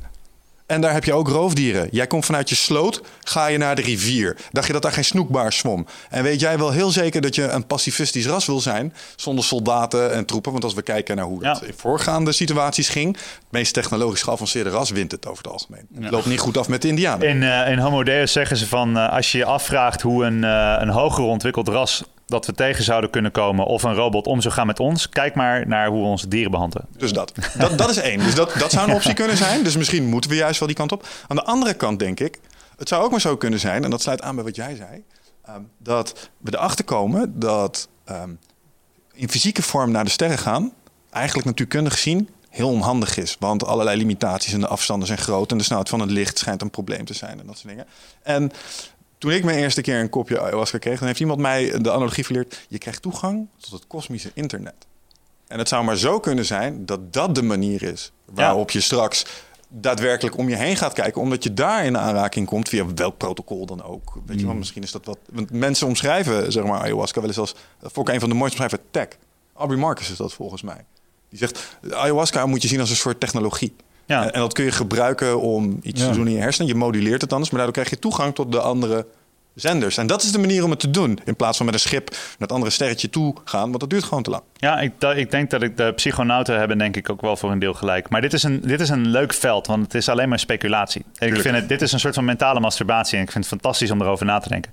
De vraag is wel, wat is de toepassing in je eigen leven en hoe pas je je nu aan? Dus ik, eh, in mijn optiek gaat het er naartoe dat in ieder geval een aantal technische problemen worden opgelost, zoals bijvoorbeeld levensduur. Ik, ik best wel een sterke overtuiging dat ik zeker nog 100 jaar te leven heb. Gaan wij onsterfelijk worden, denk je? Uh, nou ja, kijk, je kan altijd, door een, door een, je kan altijd aangereden worden door een bus of uh, in je nek gestoken worden. Maar ik denk dat het, ik, de kans dat het biologische probleem... Willekeurige dwarsstraat, ja. aangegeven in je nek gestoken. Hey, Perception reality. Uh. Dit zegt alles over je jeugd, denk ik. Nee, nee. Kijk, dat, dat is gewoon de willekeurigheid van het menselijk leven. En dat is zoiets dat als mensen leren we ook wel dat, er, dat, dat je het leven kan controleren. Eens. Maar een van de dingen die mijn dagelijkse drijfveer zijn, is toen ik hierheen fietste, had ik dood kunnen zijn. En dat ben ik niet. En nu zit ik hier voor een microfoon. Beter zorg ik ervoor dat ik mensen iets van waarde geef. Dus het is ook een beetje mijn dankbaarheidspraktijk. Anyway.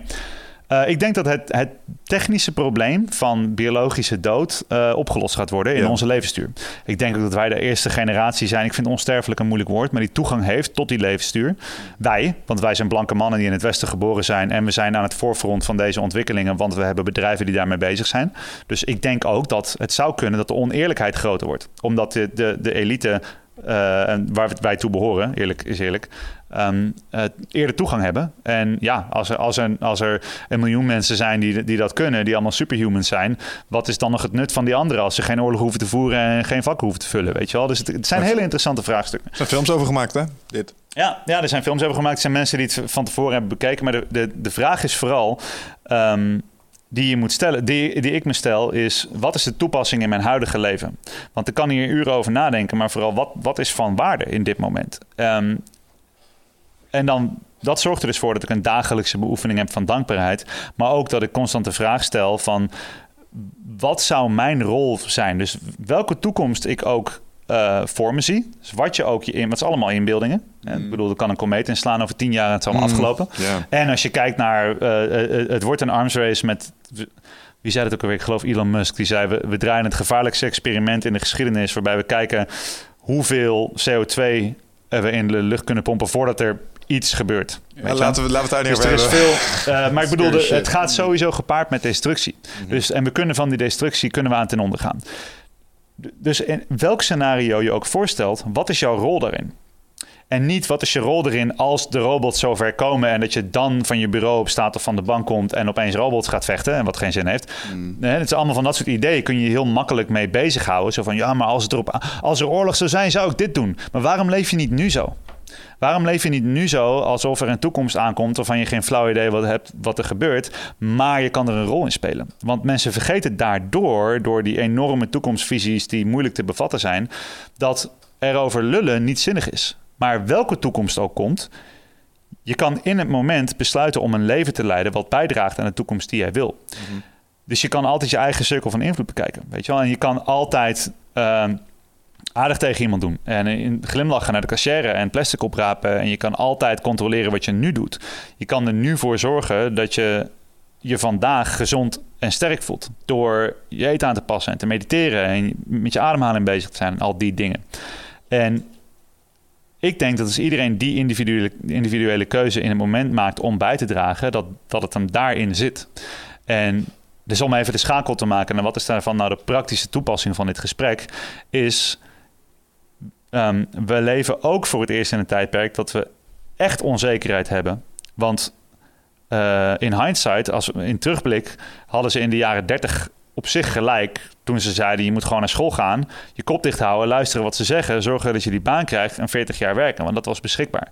En dat was ook redelijk overzichtelijk hoe lang dat zou duren. Ze hadden niet verwacht dat in de jaren 90 een revolutie zou zijn met internet, dat al die banen zouden verdwijnen, maar nu verandert het per dag. Ja. En ik, ik denk dat het is onmogelijk om realistisch te zijn over welke toekomst er gaat komen. Maar we moeten wel realistisch te zijn over de rol die elk individu daarin kan spelen. Want 100 jaar geleden moest je eh, oliemagnaat, staalmagnaat, rijke familie zijn om invloed te kunnen hebben. Nu kan je gewoon op het internet een bedrijfje starten, een levensstijl in elkaar zetten en je kan gewoon duizend mensen helpen met één Facebook-post als je ervoor kiest. Weet je? Dus dat medium wat we hebben, dat grotere, die losse realiteit, die langzamerhand steeds meer integreert in ons leven, die is de ultieme democratie. Want je kan, dat, je kan gewoon daar opgaan en iemand helpen. En ISIS weet het ook. Want die, die gebruiken datzelfde medium om mensen te werven, weet je wel.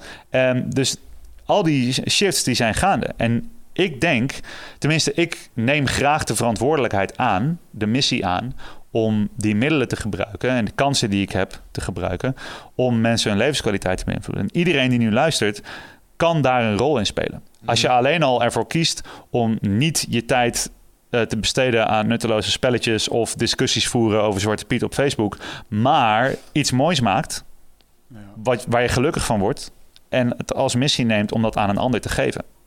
Wat is in feite wat ik doe en wat jullie ook doen. Ja, ik denk dat de centrale vraag is, eh, over je activiteit is, draagt het bij?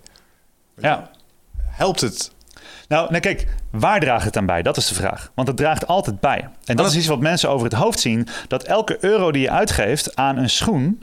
Als je die euro uitgeeft aan een schoenenbedrijf... wat die schoenen in elkaar laat naaien in een sweatshop door kinderen... dan Mhm. draag je bij aan hun missie. En mensen hebben... eh, we hebben... De meeste van ons hebben niet het bewustzijn... dat je altijd bijdraagt aan iets. De vraag is, doe je het bewust en is het iets waar je mee eens bent?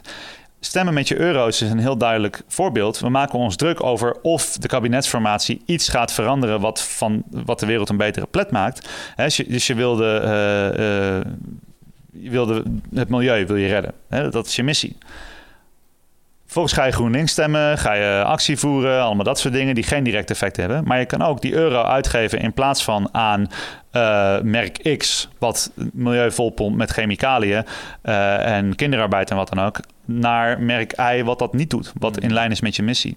En dus de vraag is niet, draagt het bij? De vraag is, waar draagt het dan bij? Al mijn dingen, al mijn uitingen, investeringen van energie, een klacht draagt ook bij. Als je klaagt over je leven, draagt het bij. Namelijk aan de shit die je niet wil in je leven. En als je ongezond eet, dan draag je ook bij. Namelijk aan de ongezondheid van je lichaam. Dus er is al, alles waar je aandacht aan besteedt. En dan komen we mooi full circle aan het einde van het, interview, eh, van het interview. Bij de hoofdgedachte van mijn boek, Mindlift. Dat, eh, dat is een grapje. Maar eh, dat alles waar je aandacht aan besteedt groeit. Alles draagt bij aan iets. Everything matters. En dat vergeten mensen. En daarom werk ik met dingen zoals ijsbaden of met extreme eh, uitputting. Want als je eh, vijf uur aan het rennen bent of je zit vijf minuten in een ijsbad. Elk detail in je ademhaling, elke gedachte die je hebt, elk detail in je houding manifesteert allemaal een direct resultaat in je realiteit. Elk detail in je gedachten, houding, ademhaling, mindset manifesteert altijd een directe resultaat in je realiteit. Alleen ben je er niet van bewust. Totdat je iets doet waar, als het echt op het spel staat. Bijvoorbeeld als je met iemand in de ring zit die van plan is om jou te wurgen. Dan opeens maakt alles uit. En ik, ik vind het mooi om een high stakes leven te leiden. Om het er elke ochtend en elke avond erbij stil te staan. Ik ga dood. Ik heb korte leven. Ik, kan, ik draag iets bij, wat ik ook doe. Waar draag ik aan bij? En ben ik het daarmee eens? Mhm. Dus, diepe shit, gasten. Dit Ja. shit dit, jongen. Hey, maar even een hele praktische vraag. Want je had het net over je energie verdelen en dat soort dingen. Even, we hebben net heel erg diep gesproken. Maar even een hele praktische eh, ehm, vraag over... Hoe regel jij je dag met social media, e-mails en dat soort dingen? Dat je, ehm, hoe organiseer jij jezelf? Dat je daar niet in die valkuil va- eh, valt. Ehm, rituelen. Dus ik, ik probeer, eh, ik maak ankers in mijn dag die ervoor zorgen dat ik ehm, afreguleer. Dus ik probeer de hele tijd, dus dat is een, een- manier van eh, kijken naar biohacking. Wordt misschien wel een nieuw boek, omdat Mindlift er niet zo diep op ingaat. Maar is het idee van je, hebt, je bent dus een set biologische systemen. En de uitvoerder daarvan is je brein via je zenuwstelsel. Je zenuwstelsel staat in een stand. En je hebt 100% actie en 100% rust. En je hebt homeostase er ergens tussenin. En je hebt er allemaal biologische termen voor, zal ik even niet op ingaan. Ehm, je bent altijd ergens op een spectrum van actie en rust. En tussen 100% aan fight-flight en 100% uit zeg maar, remslaap zitten allemaal staten. En het managen van die staten, dat is mijn inziens waar het de kwaliteit van het leven op draait. Dus dat je in staat bent om te zeggen van oké, waar zit die flow state en hoe kom ik daar? Waar zit die ruststaat, hoe kom ik daar? Waar zit die actie, eh, eh, weet je, crush it, actiestaat en hoe kom ik daar? En hoe reguleer ik dat? Ik ben wat ze noemen alfa-dominant. Dus zeg maar eh, sympathetic dominant noemen ze dat. Dus dat je, ik schiet makkelijk in te veel actie. En wat heel veel mensen doen is ze blijven te lang in die actie, want het voelt goed en belonend. En dan zitten ze zo lang in dat de bijnieren het niet meer trekken, knallen ze eruit en dan zitten ze vast in die inactie. En dan, eh, dat is wat een burn-out zeg maar is, of een depressie. Ehm eh, vermoeidheidssyndromen. Dus ik probeer me ehm, er bewust van te zijn. Waar begeef ik mij fysiologisch gezien? Wat is de staat van mijn zenuwstelsel? Ben ik op spanning? Ben ik ontspannen? Eh, en wat heb ik nodig? Dus welke staat wil ik en hoe kan ik erin voorzien? Dus dat doe ik door ankers te maken. Omdat ik weet dat mijn valkuil is om vast te zitten in actie. Dus als ik zo'n interview doe als dit, ben ik helemaal aan. En daarom kom ik, dat is de voornaamste reden dat ik met de fiets kom. Als ik fiets een kwartier terug naar het station, dan weet ik, dan ben ik afgereguleerd. Dan ben ik weer terug, heb ik verwerkt en dan ben ik klaar. Dus ehm, het begint met de mindset dat, dat de staat van zijn in je leven een resultaat is van keuzes. En dat je dan dus moet gaan kijken waar ben ik en waar wil ik heen. Dus ik begin met een ochtendritueel. Uh, nou, daar kan ik heel diep op ingaan, maar ik drink ongeveer een liter water met wat Himalaya zout om mijn pijnnieren te ondersteunen. Ik doe ademoefeningen, ik ga met mijn blote voet in het gras staan. Ik uh, schud en, en uh, zeg maar um, rillen en schudden doe ik expres om uh, spanning los te laten. Dat soort dingen. Ik doe uh, dagelijks vasten, want ik weet als ik ochtends geen maaltijden neem, ik neem dan uh, koffie met wat vetten en wat, ehm, soms wat superfoods. Zoals bijvoorbeeld, nu gebruik ik veel medicinale paddenstoelen. voor mm. Sigmatic, een merk waar ik heel blij mee ben. Intofit.nl Ja, verkoop je die voor Ja, zeker. Ja? Tuurlijk. Fantastisch. Ja. Maar goed, ik gebruik dus een aantal supplementen, hele eenvoudige, die mijn energie ondersteunen. En kijk, omdat ik een leefstijl heb um, gevormd die ik wil, ik hoef niet naar mijn werk om 9 uur. Dat is een heel belangrijk iets voor mij. Want als ik om 9 uur naar mijn werk moet, dan moet ik bijvoorbeeld ontbijten en dat trek ik niet. Of dan moet ik op een bepaalde tijd. Dus daar ben ik los van. Dus ik, mensen zeggen, jij hebt de luxe dat je die keuzes kan maken. Ja, of ik heb mijn baan opgezegd en ik, en ik heb me helemaal de pleuris gewerkt tot het mogelijk was. Het is mij net hoe je het wil zien. Um, maar ik heb ook mazzel. Intermittent fasting, zolang ik een nuchtere maag heb met wat goede vetten en wat ondersteunende supplementen, kan ik ongeveer 5 uur hoge kwaliteit creatief werk leveren. Daarna zit ik wel best wel hoog in mijn energie.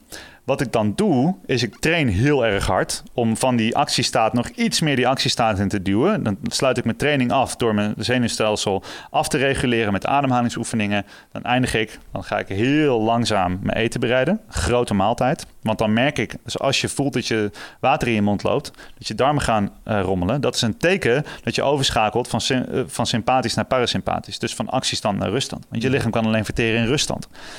Dus ik ga actief die rust in. Ik eet langzaam, doe een dutje of neem een wandeling. Ben ik helemaal downregulated. Dat is energiemanagement. Dus als je in actie wil kunnen blijven, je, er bestaat geen actie zonder rust. Dus je moet terug naar die rust. Ja. Dus zo begin ik mijn dag met dip, dan escaleer ik, kaart, werk, werk, werk, werk, werk, maaltijd, rust. Dan ga ik op een lager pitje verder werken. Doe ik alle dingen die niet het meeste van me vergen, het meeste van mijn aandacht. Dus Facebook-notificaties moet ik veel van doen. Weet je wel. Dus ik, ik cluster mijn werk in de tijd dat ik creatief werk doe, wat mijn belangrijkste werk is, waar de wereld het meest mee geholpen heeft in de richting, eh, is in de richting van mijn missie, probeer ik, en dit is moeilijk, geen afleidingen toe te staan. In de middag kan ik me minder goed concentreren, weet ik van mezelf. Um, dus doe ik dan mijn, mijn minder belangrijke werk, waarbij het voelt dat ik bezig gehouden word. Onbelangrijke e-mails, Facebook-notificaties, administratie. Ah, doe ik niet zoveel zelf meer, maar mm. dat soort dingen. Dus op die manier heb ik gewoon allemaal ritueeltjes, allemaal ankertjes in mijn dag. Ik weet, mijn valko is om in actie te zitten, maar ik wil die actie graag. Dus um, zorg ik ervoor dat ik af en toe daar helemaal uitkom. En ik heb allerlei middelen ervoor. Dutjes ben ik groot fan van. Mensen, doe dutjes. Niet meer dan 20 minuten, want na 20 minuten ga je in diepe slaap. Dus als je een half uur slaapt, dan ben je eigenlijk de lul. Want dan word je minder energiek wakker. Want als je hersenen in lage golf en dan moet je die, lage, die diepe slaapcyclus afmaken. Dutje van 20 minuten. Ik gebruik uh, acupressure matten. Hebben jullie die ook op de webshop? Nee, nee? okay. volgens mij uit de handen gehaald. Probeer er zoveel mogelijk berichten. Waarom? Omdat ze waarschijnlijk niet verkopen. Huh. Of ze waren in ieder geval niet, de laatste keer dat ik ze probeerde te bestellen, waren ze niet voor. Ja, dat is fantastisch. Een matje met 8000 prikketjes die in je rug duwen. Mm waar, want ik, mijn hersenen zijn te actief. Misschien gemerkt tijdens het interview, maar ik ben overactief in, in frontaal. Dus als ik op zo'n matje ga liggen, dan krijg ik, ik zeg maar eigenlijk te veel sensorische input via mijn rugzenuwen binnen. Waardoor mijn hersenen, mijn gedachten gewoon wegbezuinigd worden. Omdat mijn hersenen die prikkels aan het verwerken zijn. Doet een beetje pijn, maar alleen als je ontspant. Dus hmm. als ik ontspan, dus dat is een tool voor mij om dat dutje in te gaan. Dus ik ga op het spijkermatje liggen. Ik heb een noise cancelling headphone. Ik, heb, ik ben ontzettend een nerd voor deze dingen. Maar goed, 20 minuten dutje, fantastische manier. Maar ik wil mensen altijd praktische tips geven. Even een hele kleine tussenvraag over dat dutje. Want ik doe ook vaak dutjes, maar ik slaap 30 tot 40 minuten vaak. Voelt het goed? Denk, dan, ja, ik denk dan, heeft mijn lichaam dat dan nodig? Dan denk ik ja. Als je energiek wakker wordt, dan betekent het dat je in het juiste deel van je slaapcyclus wakker bent geweest. Het kan ook zijn dat het veel langer duurt voordat je echt in slaap bent. Dus als ik een dutje ga doen, dan ben ik in één keer weg. En voor mij is 30 of 40 minuten is te lang. Ja, dan, dan heb ik ook wel. Ik lig al 10 minuten altijd even. Ja, precies. Dus het is, uh, het, is het, is net wat je wil. Sleuteldutjes uh, noemen Japanners dat. Die uh, hebben sleuteldutjes? sleuteldutjes. Wat je dan doet is dan ga je op stoel zitten, doe je een sleutel in je hand. En uh, dan probeer je te dutten. En als hij uit je hand flikkert, dan uh, ben je klaar. Mooi. Ja, mooi. Goeie tip. Ja. Praktisch. Ja, Dus dat, dat vind ik een hele fijne. Ehm, ademhaling is een heel sterk middel. Want hoe sneller je ademhaalt, hoe, meer, hoe, hoe hoger je hartslag, hoe meer je in actiestand gaat, hoe langzamer uh, je ademhaalt, hoe minder. En dit is zo'n fundamenteel principe over de hele wereld. Zijn mensen blown away van het gegeven dat als je je ademhaling leert beïnvloeden en optimaliseren, dat je hele leven makkelijker wordt. En Wim Hof methode ademhaling is een mooi middel, maar gewoon, ga maar eens gewoon door je neus ademen de hele dag. Daar is je voor gemaakt. De meeste mensen ademen door hun mond. Uh, waardoor je eigenlijk chronisch hyperventileert, je biochemie verpest, uh, meer cortisol aanmaakt.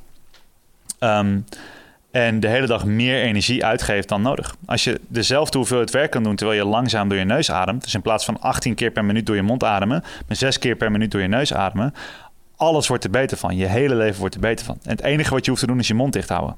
Vind ik heel moeilijk, mijn mond dicht houden. Mijn vrouw is er heel blij mee dat ik neusademhaling oefen. Ademhalen. Ook omdat ik er minder van ga snurken. Ademhalen totdat je je ballen naar buiten voelt, voelt drukken. Zegt Elliot Hills altijd. You gotta breathe in your balls, motherfuckers. motherfuckers. Ja, ja, ja, dat is een van mijn favoriete ademtips. Ja. Het is wel waar, als je je focust op je ballen terwijl je adem haalt, dan ga je veel dieper in je middenrif maar als je je buik naar buiten duwt, dan gaat het... Ja, middenrifademhaling, neusademhaling zijn hele krachtige middelen. Meditatie, zoals gewoonlijk. Voor de meeste mensen raad ik wel aan om een... Om een, om een meditatie met verzachtende omstandigheden te doen. Want de zittende meditatie, daar maakt het zitten maakt de meditatie moeilijk. Daarom is het zo'n sterke beoefening. Mhm. Maar uh, als je gaat hardlopen en dan niet op je Garmin kijken en niet proberen sneller te zijn dan je vorige tijd, geen chique schoenen kopen, geen chic pakje aan, gewoon op je blote voeten, zo langzaam als je kan, door je neus ademen, hardlopen en alleen maar één grote mindfulness oefening. Een van de beste dingen die je kan doen voor je brein. Tien mhm. minuutjes, weet je wel. Uh, helemaal in tune. Door je blote voeten ben je helemaal in tune met je omgeving. Je voelt opeens temperaturen, uh, vochtigheid op de grond en zo. Het hele sensorische veld gaat open buiten je hoofd. Dus aan de andere kant van je hoofd. Dus je gaat uit je hoofd. Door je neus ademhalen, verschrikkelijk moeilijk. Daarom moet je heel langzaam hardlo eh, hardlopen. Heel bewust zijn van de signalen in je lichaam. De ultieme mindfulness oefening. En door het hardlopen krijg je natuurlijk ook chemische voorwaarden voor de meditatieve staat. Flow states, makkelijker om in te komen. En je moet werken met het stemmetje wat je zegt dat je moet stoppen en dat het moeilijk is. Dat is een fantastisch ding, gebruik ik heel veel. Zware dingen optillen, koude douche. Ehm, afhankelijk van waar ik heen wil. Koude douche gebruik ik juist om, om, om in actie te komen. Ja. Uh, zware dingen optillen. Dus je s'avonds ook koud af of niet? Nee. slapen? nee, ik douche eigenlijk alleen s ochtends. Het is, het is deel van mijn, van mijn stofwisseling op krik ritueel. Mm. Dus ademoefeningen, uh, mijn bindweefsel losschudden, foamrollen. Uh, ademoefeningen doe ik heel actief in de ochtend. Dus gecontroleerde super... Ja, ik, hyperventilatie is het eigenlijk, maar... Ja. Ik zeg altijd superventilatie, want dat klinkt zo super. Mm. En hyper niet. dus. Een gewoonte waar ik, uh, waar ik misschien ook nog even met je over wil hebben. Ook gelet op je muzikale, muzikale achtergrond. Allereerst cool dat je rapper was. is er nog wat materiaal van je te vinden online trouwens? Heb je one-on-one bar sessies gedaan? Of, nee, het officiële antwoord is nul. Oh, oh, jammer.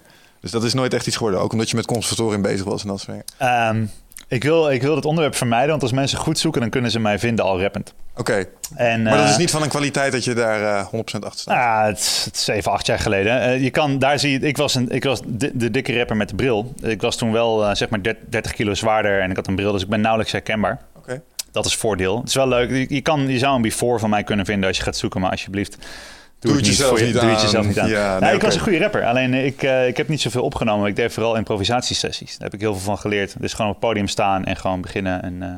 Maar goed, wat wil je vragen over muziek? Nou ja, de feit sowieso. Ik gebruik muziek als een instrument om mezelf in rituelen in actie te helpen. Dat zijn ja. zoals het koude douchen bijvoorbeeld. Ik ben, de reden dat ik aanga ging op rapper, ik, ik merk dat ik lyrics vind ik heel belangrijk. De dingen die gezegd worden motiveren ongelooflijk. Ja. En in mijn voorbereiding las ik iets heel interessants. Namelijk um, videogame muziek inzetten als instrument voor productiviteit. En dat, ja. dat verklaart een gedrag dat ik blijkbaar onbewust tot stand heb. Ik heb drie schermen. En op mijn linkerscherm heb ik altijd uh, retro spelletjes draaien met die oude muziek. Dat vind ik zo af en toe grappig.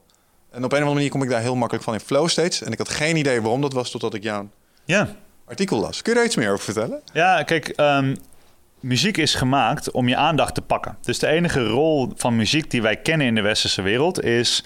Uh, oh, je kan dat trucje. Doe het maar zo goed als je kan. En op een verhogingje. En dan doen wij dit om te zeggen dat het goed is. Of boe om te zeggen dat het slecht is. Dus het is een soort van ding geworden wat alleen... als je er goed in bent, dan mag je het doen. En dan moet je het ook goed laten zien. En er zit een heel oordeel bij. Dat is wat ik heel moeilijk vind als muzikant. Maar ik vond uh, de tribal music, omdat ik beetje die achtergrond heb. En dan merkte ik dat in, heel, eh, dat in primitieve settings, zogenaamd primitieve settings, dat woord doet niet helemaal recht eraan, maar muziek overal voor gebruikt wordt. State management. Om te zeggen, nu wil ik die staat en nu wil ik die staat. En ze gebruiken dus ook de eerste transachtige psychedelische ervaring die ik had, was tijdens eh, het maken van Afrikaanse muziek met een Afrikaanse groep. Traditionele nummers speelden. En die, die zeiden van, we, we gaan ons verbinden met onze voorouders. Ik dacht van, ja, nou gelul, joh. We gaan gewoon trommelen. En achteraf dacht ik, holy shit. Volgens mij waren we verbonden met voorouders, weet je wel. Maar goed, dus de muziek die je luistert, als je de top 40 aanzet op de radio, die muziek is gemaakt om jouw aandacht te grijpen. Er zit een spanningsboog in die heel voorspelbaar is. Dus elk popnummer heeft dezelfde spanningsboog. Kan je gewoon over elkaar heen leggen en zo goed als alles heeft dezelfde spanningsboog. Als je een hit wil scoren, moet je de formule volgen. 3 minuten 30, het opbouwtje, een bridge, refreintje, dat soort dingen.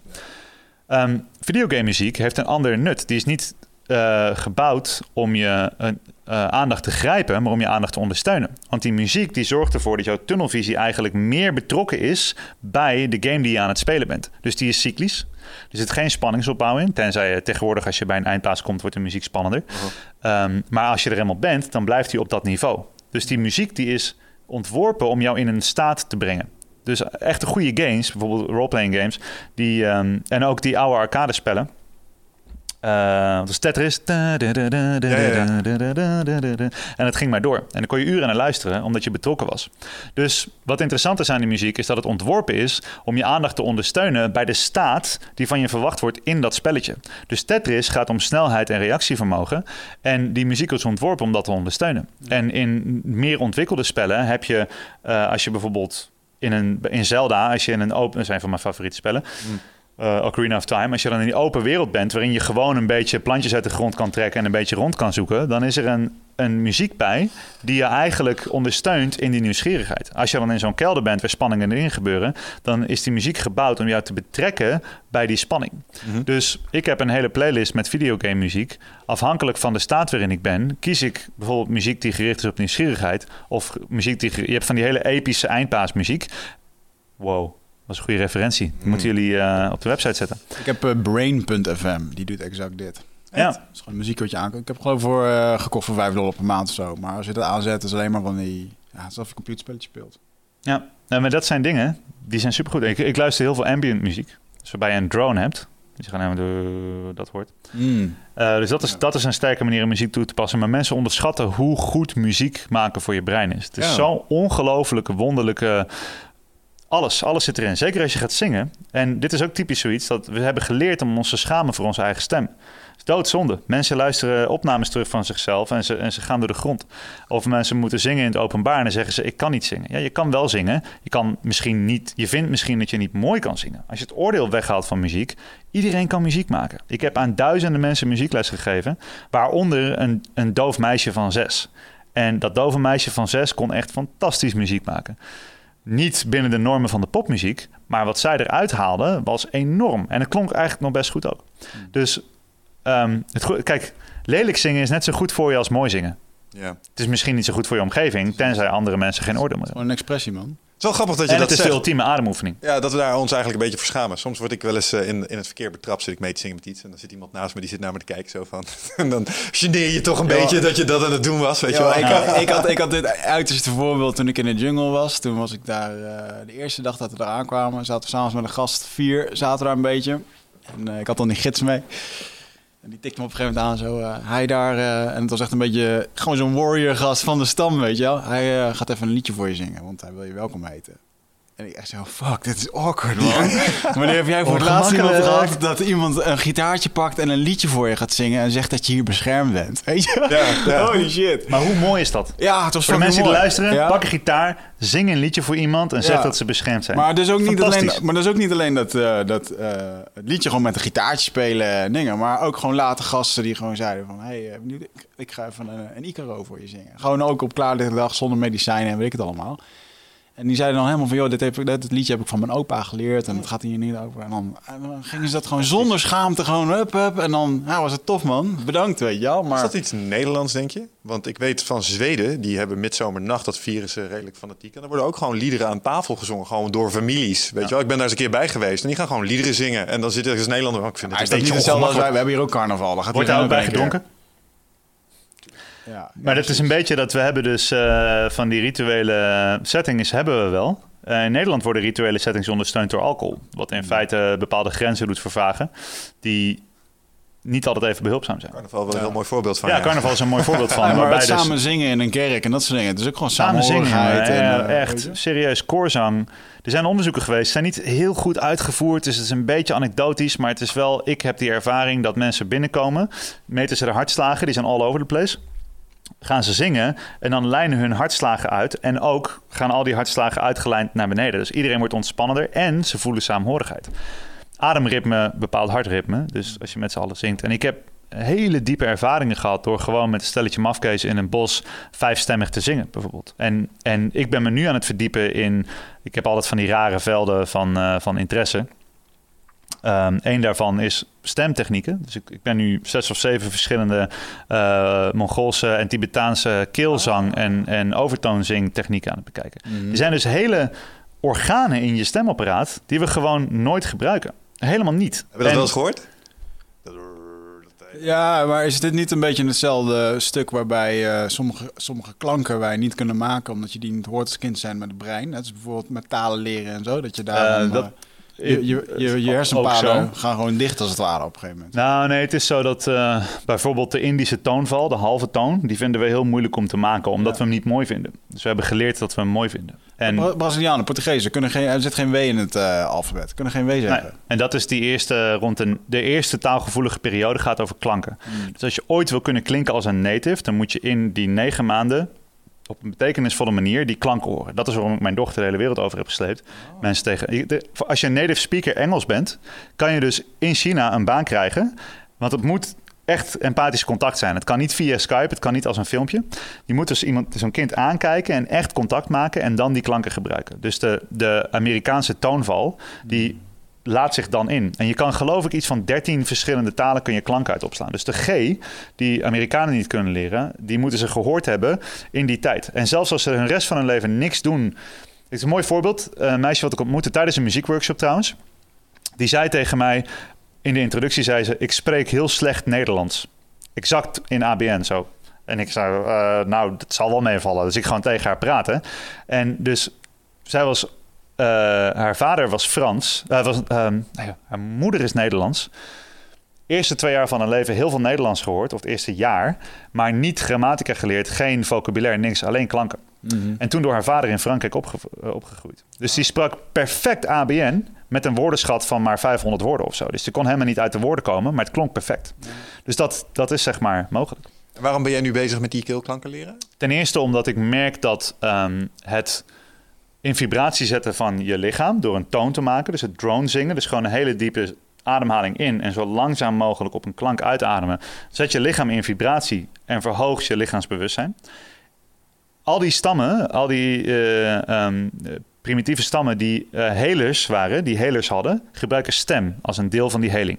Er zijn bijvoorbeeld theorieën, zijn niet heel goed onderbouwd, maar dat eh, klanken hersenvocht in gang zetten door vibratie. En dat dat ervoor zorgt dat mensen een groot brein kunnen hebben. Pineal gland. De, de pineal gland is, lijkt daardoor onder invloed te zijn van klank. Ehm, eh, het bindweefsel slaat eh, spanning op. En dat het maken van een klank die vibratie het bindweefsel vrij kan maken en spanning los kan laten. Nogmaals, niet zuiver wetenschappelijk onderbouwd, maar er zijn allemaal van dat soort pijlen. Dat makes sense. Ik heb gemerkt dat de diepste manieren om zonder hulpmiddelen of eh, plantjes uit de jungle in een, in echt een hele sterk verhoogde staat van bewustzijn te komen, is door middel van drone zingen. Ehm, je kan ook bijvoorbeeld je stem overal in je lichaam zo goed voelen als dat je hem in je keel voelt. Maar dan moet je dus wel dat luikje van bewustzijn openzetten. Dus je kan bijvoorbeeld je vingertop voelen. Je vingertop trilt 100% als je, als je een klank maakt. Alleen je merkt het niet, omdat je geen reden hebt om het te merken. Dus ik ga zitten en ik adem in. Ik zing meestal mee met een klankschaal. Ik zet mijn lichaam in vibratie en ik ga op zoek naar die trilling. Zo kan ik bijvoorbeeld, kan ik niet heel goed op commando, het duurt een kwartiertje of zo, een deel van mijn lichaam kiezen. Met een linkerhand is het makkelijkst. Ehm, en dan zing ik drone, gewoon met een klankschaal mee. En dan kan ik die linkerhand opwarmen, dat die 6 of 7 graden Celsius warmer is dan mijn rechterhand. Dat is een cool trucje. En ik heb dat ook met groepen gedaan, in mijn, in mijn eh, weekend retreat zelfs. En dat we dat binnen een drie kwartier of zo, iedereen had een, een voet of een hand gekozen. En met die zang konden ze dat opwarmen. Dat is ook niet zuiver wetenschappelijk, maar wel super vet.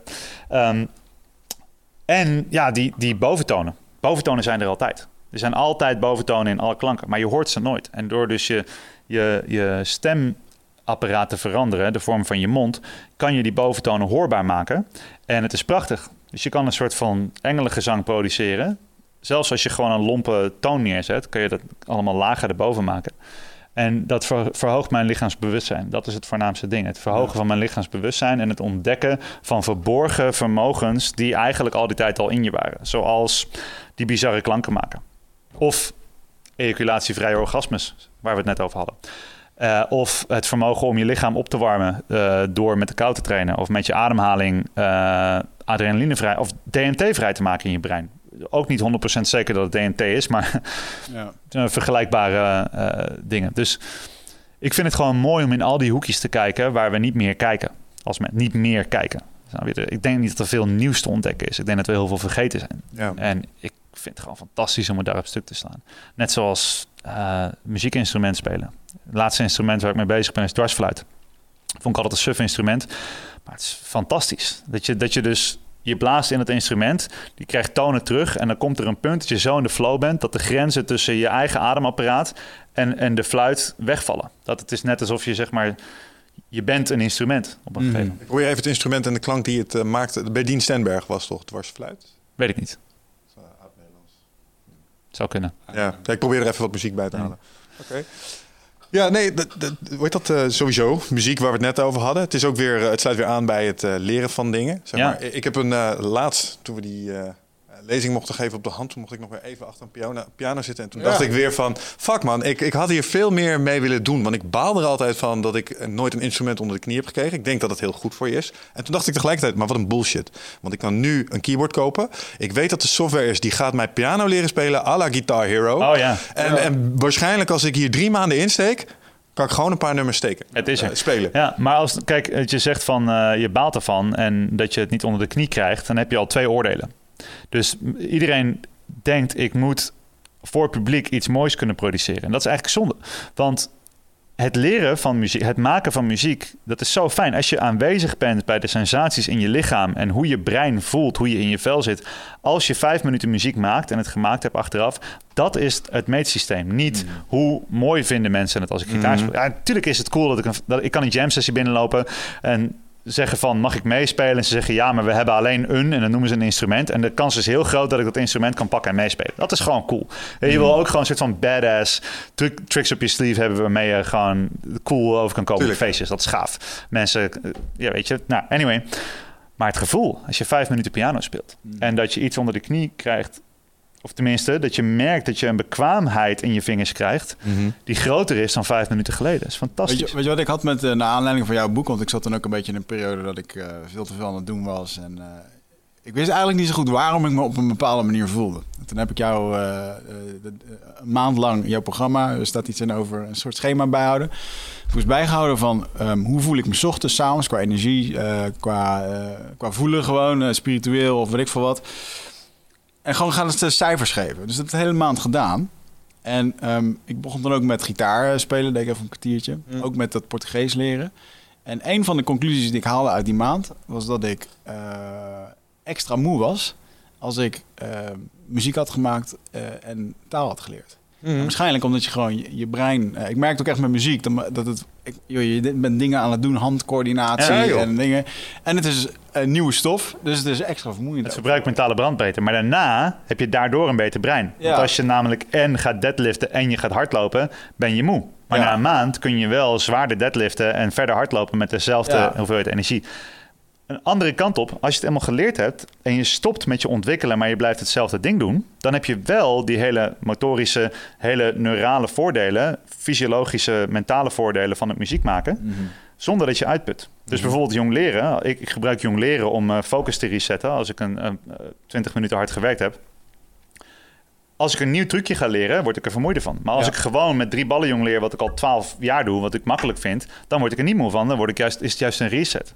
Dat is ook met gitaar. Gitaar ben ik niet meer aan het studeren, want ik ben op zoek naar, eh, zeg maar, eh, de, de 20% van de oefeningen waar ik 80% van het resultaat mee kan krijgen. Dus ik wil niet een goede gitarist worden. Ik wil, mijn, mijn meetsysteem is, kan ik een jam sessie binnenlopen, om me heen kijken en me een fatsoenlijke jam sessie inbluffen? Of kan ik een liedje spelen? Dus gitaar ben ik niet in aan het ontwikkelen. Maar ik speel gitaar om gewoon dat vormpje wat in mijn handen zit, dat liedje wat ik mooi vind, even te spelen. Ja. Kost helemaal geen bandbreedte. Sterker nog, ik kan afdwalen met mijn gedachten terwijl ik het doe. Dat is krachtig voor je focus. Ja. Zo gebruik ik jong leren. Maar fluit ben ik echt aan het leren. En ik ben nu allemaal van, omdat fluit is zo'n oerinstrument, ben ik allemaal van die rare rimboe en oerwoudfluiten aan het testen en aan het bouwen en zo. Dat kost heel veel inzet. Ja. En zelf een fluit maken. Ik wil alle instrumenten die ik speel, wil ik zelf kunnen maken. We beginnen niet. Ik heb Complicated, dude. kijk, ik heb gewoon korte termijn hyperobsessies. ja. En niet omdat ik dat ene ding graag wil leren, maar omdat ik wil kijken, kan ik die set metacognitie, die set mentale vaardigheden, kan ik die steeds weer op nieuwe, verse dingen toepassen. Kan Ja. ik leuke, eh, leuke vaardigheden verzamelen, gewoon omdat het tof is om dingen te kunnen. Merk je nou nog dat dat transfer heeft op elkaar? Bijvoorbeeld dat het leren van een gitaar weer een effect heeft op het leren van een taal, wat weer effect Oh, heeft ja. op, op, je, op je kung fu, bij wijze van spreken. ja, ja, wat ik wou zeggen, ehm Wigert, is eh, ga Portugese liedjes leren op je gitaar. ja, daar ben ik mee bezig. Ja, precies. Fantastisch. Eh, want ehm, Nederlandse of mensen die immigreren naar Nederland, die leren uiteindelijk de meeste uitspraak door liedjes te doen. Want zodra ze een liedje meezingen, stappen ze in een rol. En dat is ook wat ik mijn leerlingen gaf. Die hadden dan stress voor. ehm, eh, voor een Frans of een Duits mondeling. En dan zei ik van, waarom maak je zorgen? Ja, ik ken de woorden niet goed. Oké, maar kan je, kan je een Duitser nadoen? Kan je zeg maar een belachelijke rol aannemen waarin je een Duitser nadoet? Ja, misschien wel. Oké, hoe zou die Duitser dan heten? Ja, die heet dan Gunther. Oké, en, en hoe ziet hij eruit? Hoe houdt hij zich? Wat is, dus, en dan gingen ze een karakter ontwikkelen. En dan gingen in die huid van die... Dus wordt be the Gunther, weet je wel? En dan stapten ze in de huid van, van die persoon, van die Duitser. En daardoor klonk het Duits wat ze wel hadden geleerd geloofwaardiger. En haalden ze allemaal veel betere cijfers. Ja. Wat goed. En dus als je in die rol stapt, weet je wel, eh, je kan zelfs in die shamanenrol gaan stappen of in die muzikantenrol, weet je, wel, en er een soort van extravagante, overdreven versie van maken. En want dan ben je empathisch aan het leren. En dan stap je dus, dan ga je in een, kies je een vorm. Die vorm neem je aan. Dat is wat mensen kunnen. Mhm. Dus zo zijn we gebouwd om andere vormen aan te nemen. Ja. Ja. Cool. Iets wat, ja, sorry. Ik had, nog, ik had nog één vraag die een klein beetje aansloot bij eh, het jezelf ontwikkelen op niet, niet, on- eh, niet orthodoxe wijze, zeg maar. Je, je, je probeert alles aan te grijpen om, eh, om jezelf te verbeteren. Je bent recentelijk ook in Amerika geweest. En ik hoorde er straks ook in de voorbereiding, ik hoorde al even kort met uh, Wigert over spreken. Een van de dingen en de ontwikkelingen die wij daar ook eh, eh, op scherp hebben, maar waar ik wel even geïnteresseerd in ben om te horen hoe het is om daar nou tussen te staan, is het hele, de hele scene van het microdosen en het macrodosen. Ja, Wat, eh, wat weet je daarvan? Wat doe je ermee? Eh, hoe zet je het in? Het is nu een, een nieuw veld van onderzoek voor mij. Ik heb vroeger, eh, in de periode dat het niet goed met me ging, heb ik heel veel geëxperimenteerd, maar op recreatieve manier. Uh, ik heb daardoor geleerd. Ik heb, ben daardoor wel op een spoor gezet. Ik heb me toen verdiept in Indianen en in cactussen en LSA Mm. en allerlei middelen. Ik heb me verdiept in hoe psychedelica zijn ontstaan en wat voor, uh, hoe nieuw heel veel ervan zijn, vooral de chemische psychedelica. En tegelijkertijd wat de diepe, diepe rol is die psychedelica, psilocybine, DMT-houdende planten voor rol hebben gespeeld in de menselijke ontwikkeling. Dat, Ja. dat is een, een inzicht wat ik al had toen ik 15 of 16 was. Ik kon er alleen niet mee omgaan. Ik had, ik had toen een verslavingsprobleem. Nou kan je niet verslaafd raken aan, aan psychedelica. Uh, geldt voor als Geestelijk. alles. Ja, precies. Je kan, ja, je kan gewoon de, Ego. Ja. je Ja. ego kan overal wel uh, geobsedeerd mee raken. Maar ik bedoel, in ieder geval, ik had een verslavingsprobleem. Ik heb het toen achtergelaten, heel lang. En de laatste maanden is dat een nieuw veld van onderzoek, persoonlijk onderzoek.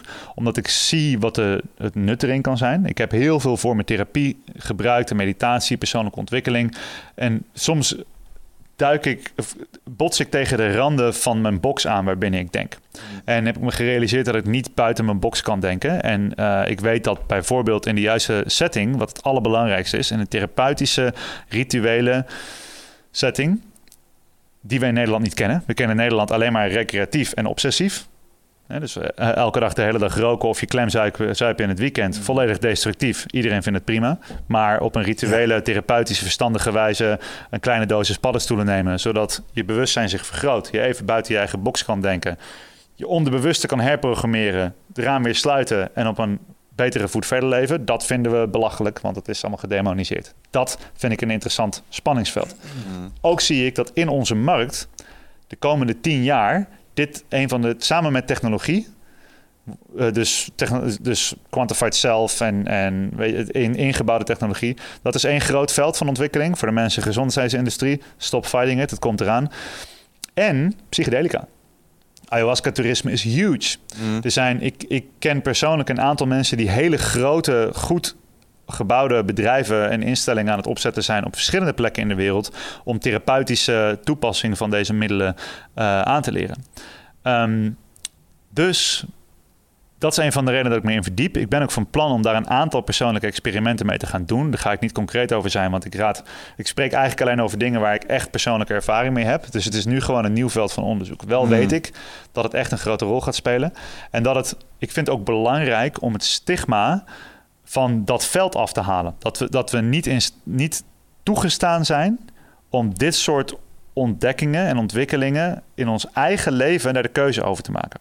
Dat, je, dat je de cel in kan gaan als je, of in, in veel landen als je uh, psilocybine paddenstoelen neemt. In Nederland nu ook opeens, omdat er misschien één iets verkeerd is gegaan Mm. daarmee, weet je wel. Ja. Dus dat vind ik heel interessant. Ik denk dat uh, microdosen speelt al een belangrijke rol. Mensen hebben niet door dat alle technologie die ze het meest gebruiken, Google en Facebook, heel veel van de creativiteit en productiviteit stoelt op zogenaamd illegaal drugsgebruik, maar Ja. in de juiste dosis, in de juiste setting, de juiste middelen nemen. Dus ik, ik denk dat uh, de missie van Wichert om uh, dit gaat schokkend zijn. Een van de redenen dat jij succesvol gaat zijn met je boek is omdat dit een onderwerp is wat borrelt in de ondergrond en jij bent de eerste die op grote schaal en op de juiste manier hierover gaat communiceren. Mm. Want ik zag, ik zag een keer een documentaire van nou, we gaan eens kijken naar het ayahuasca. En toen vroegen ze van ja, wat is het? En het antwoord was ja, het is een plant met een ziel en die is een leraar en die komt je de waarheid geven. Nou, Nederlanders haken af. Is klaar, weg. Mm. Maar je, je kan ook gewoon uitleggen hoe het werkt, weet je wel. Dus educatie gaat daar de belangrijkste rol in spelen. Dat is voor mijn persoonlijke ontwikkeling merk ik dat alle middelen die ik nu heb, mijn groei, niet meer zo goed in stand houden als het was. Bijvoorbeeld toen ik begon met hypnosetherapie... was dat hele veld voor mij mind-blowing interessant. Mm -hmm. Nu kan ik met hypnosetherapie niet meer zoveel nieuwe velden ontdekken. Dus de vraag is dan voor mij, wat is het volgende ding? Maar ik denk echt dat het recreatieve en het obsessieve, dat is wat we kennen. Daar moeten we vanaf. We moeten er naartoe gaan. Wat is goed geïntegreerde toepassing? Hoe kan je zelf de vrijheid creëren om over je eigen gezondheid te beschikken zo goed dat je deze middelen kundig kunt toepassen? En hoe passen we daar educatie op aan? Want ik heb jarenlang drugsvoorlichting gegeven en tegen de zin van ouders en collega's in. In het boekje staat een hele lijst met drugs, wiet en coke en paddo's en alles staat erop. Niet doen, nooit doen, slecht voor je, illegaal. Fout, fout, fout. Alcohol, ja, met mate, uh, voorzichtig, niet te veel. Terwijl als je kijkt naar, naar de lijsten, dus je hebt harddrugs, oké, okay, slechter voor je dan alcohol op alle fronten. Uh, cocaïne, ecstasy trouwens, twijfelgeval. Psychedelica, Ja. uh, marihuana, op alle fronten, als je puur naar het stofje kijkt, veel minder destructief dan alcohol. Ja. Laat de rapporten maar zien waar de doden zijn gevallen. Kijk eens, precies. Daarna. Kijk eens naar hoe verslavend nicotine is. Kijk eens naar hoe destructief roken is. En natuurlijk wordt er gedaan alsof iedereen anti-roken is. Maar in de werkelijkheid kan je op elke straathoek nog steeds kopen. Ja.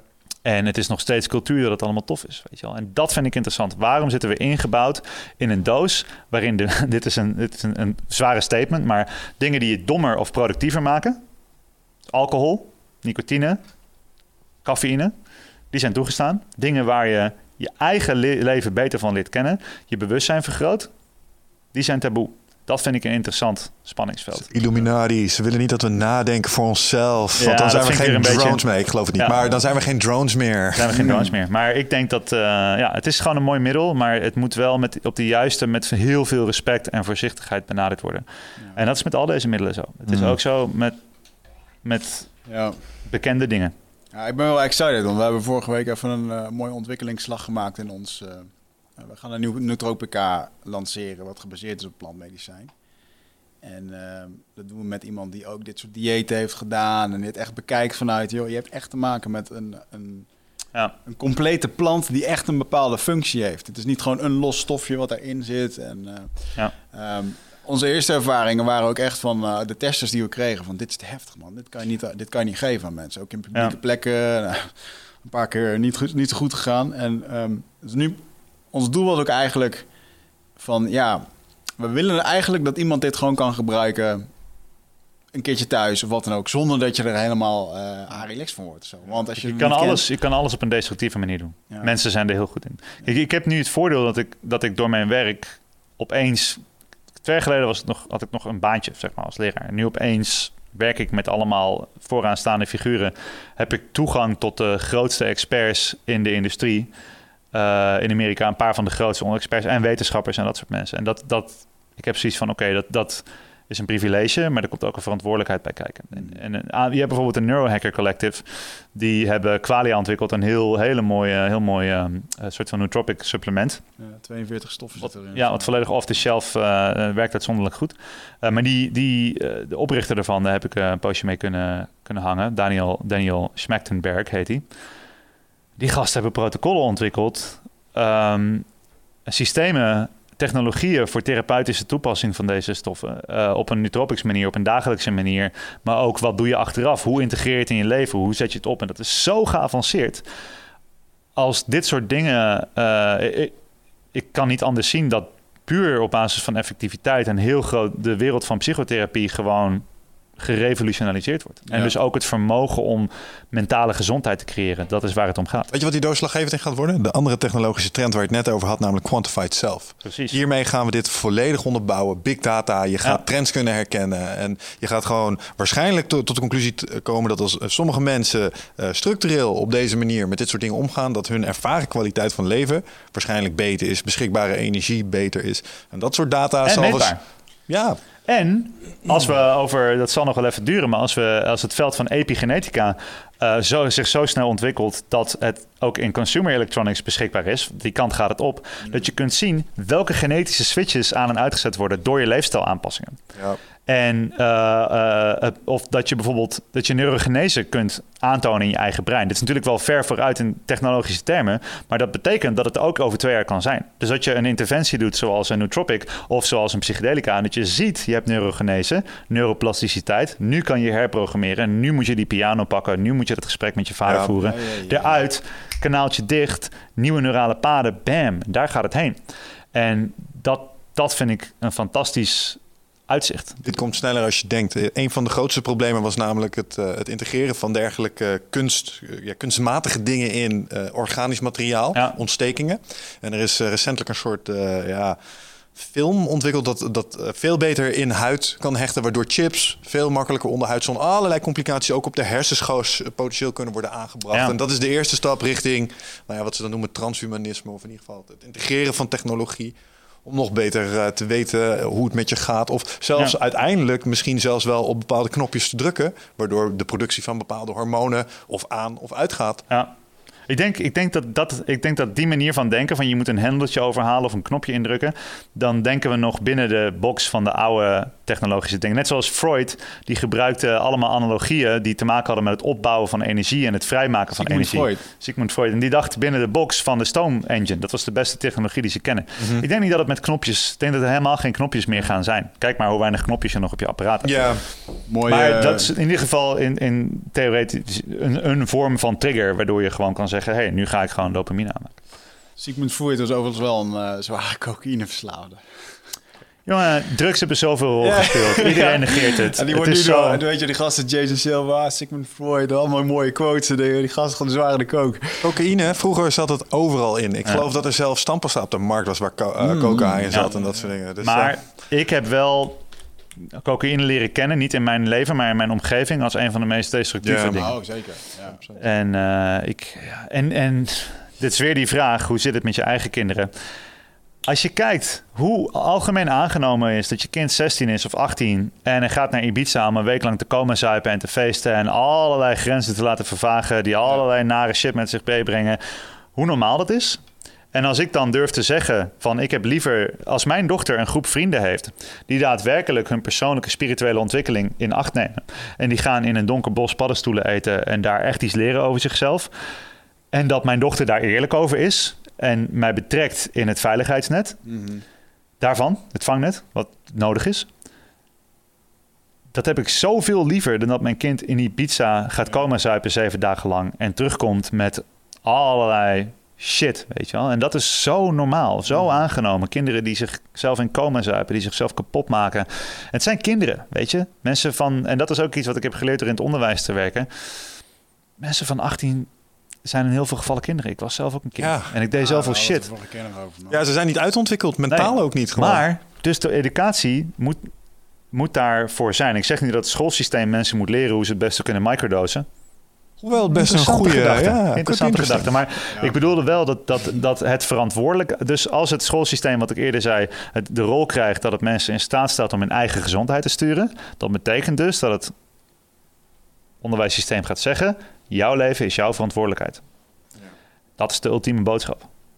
En al, als je dus vrijheden neemt, zoals experimentatie met drugs of alcohol, moet je daarbij ook de passende verantwoordelijkheden nemen. En mensen moeten, en, en dus wil je die kinderen niet meer vrijheden geven dan dat ze het bij passende verantwoordelijkheid kunnen geven. Maar ik bedoel gewoon, als ik het zelf vergelijken. Mm. Weet je, en mijn moeder heeft daar ook goede keuzes in gemaakt. Die heeft gezegd: Oké, wat ga je doen vanavond? Ik zei: Oh, fuck die shit, ik ga blowen en dit en dat. Ik zei ze: Oké, doe maar thuis dan. Ik zei: Wat, super relaxed, weet je wel. Mag ik vrienden uitnodigen? Ja, ja, tuurlijk. En achteraf zei ik: van, Waarom wil je dat eigenlijk? Want het is toch eigenlijk slecht gedrag dat wij blowen. Ze zei: Nou ja, ik heb liever dat je op je kamer zit. Dat ik je wat te drinken kan brengen. Dat ik kan vragen hoe het met je gaat. Dat ik weet hoe, wel, met wie je omgaat. Dan dat je onder een tunneltje staat tuig te wezen. En het was een goede keuze voor haar. Ja, en daarom ook. is onze relatie niet gebroken. En de relatie met mijn moeder, mama, I love you, Ah. heeft ervoor gezorgd. Zij heeft die relatie behouden terwijl ik die daarmee aan het rammelen was. Heeft ervoor gezorgd dat ik nu mijn verstand nog heb en dat het goed met me gaat. Weet je? Dus ik denk gewoon verantwoordelijkheid, zelfsturing, kwantificatie wordt een grote rol. Nou, we zijn Mooi helemaal afsluit, jongen. Hij zegt de mental Theo van de biohacking. Gooit er een kwartje in en lult 2,5 uur. Ja, pas op. Je was gewaarschuwd. Mooi, ik vond het wel lachen, man. Je, ja, we zijn niet uitgekletst, man. We gaan nog een keer samen wat dingen doen. En eh I don't know, het gaat mooie dingen maken, brengen. Ik wens je in ieder geval wel heel veel succes eh, met alle dingen. Je gaat internationaal. Je bent eigenlijk wel internationaal, maar nog Ja. meer. En eh, Allemaal tijden. Ja, leuk. ja, we, we moeten dit nog maar eens kunnen. Misschien moeten we de volgende podcast maar eens een keer in het Engels doen. Dat is ook wel weer leuk met jou. Ja, Engels, waarom niet? eh, We hebben er meer in het Engels gedaan. Gaat ons wel goed af, volgens mij. Ik weet niet hoe jouw Engels is. Vast wel goed. Gaat goed. Prikje Ja. oké. Is die goed? Hij, hij goed. heeft die 9 tot 12 maanden minder goed doorgemaakt. Nee, komt Ja. goed. Ehm, mensen kunnen jou vinden op eh, mindlift.com. Mindlift.com, eh at Caspers Focus, K-A-S-P-E-R-S Focus.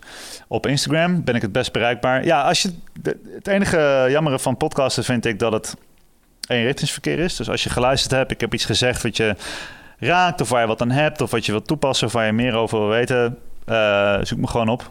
Ik heb geen sterstatus dat ik niet meer mijn eigen mail beantwoord. Dat is niet helemaal waar. Ik, ik beant- beantwoord niet al mijn mail, maar leuke dingen, zoals mensen die naar een podcast luisteren en met me contact opnemen, dat vind ik altijd fantastisch. Ik vind het heel leuk, waardevol om te horen eh, wat er terugkomt. Dus schroom niet om een vraag te stellen of om het te zoeken te vinden. Vind ik gewoon leuk Ja, mensen te leren kennen. Top. Cool man. Dankjewel voor je komst. En alle mindlifters die luisteren, ik weet dat we eh, oh, eh, overlappende gebieden hebben. Je bent fucking baas. Jullie zijn allemaal eindbazen. Allemaal eindbazen. Dankjewel en tot de volgende keer. Peace out. Volgende keer. Ciao.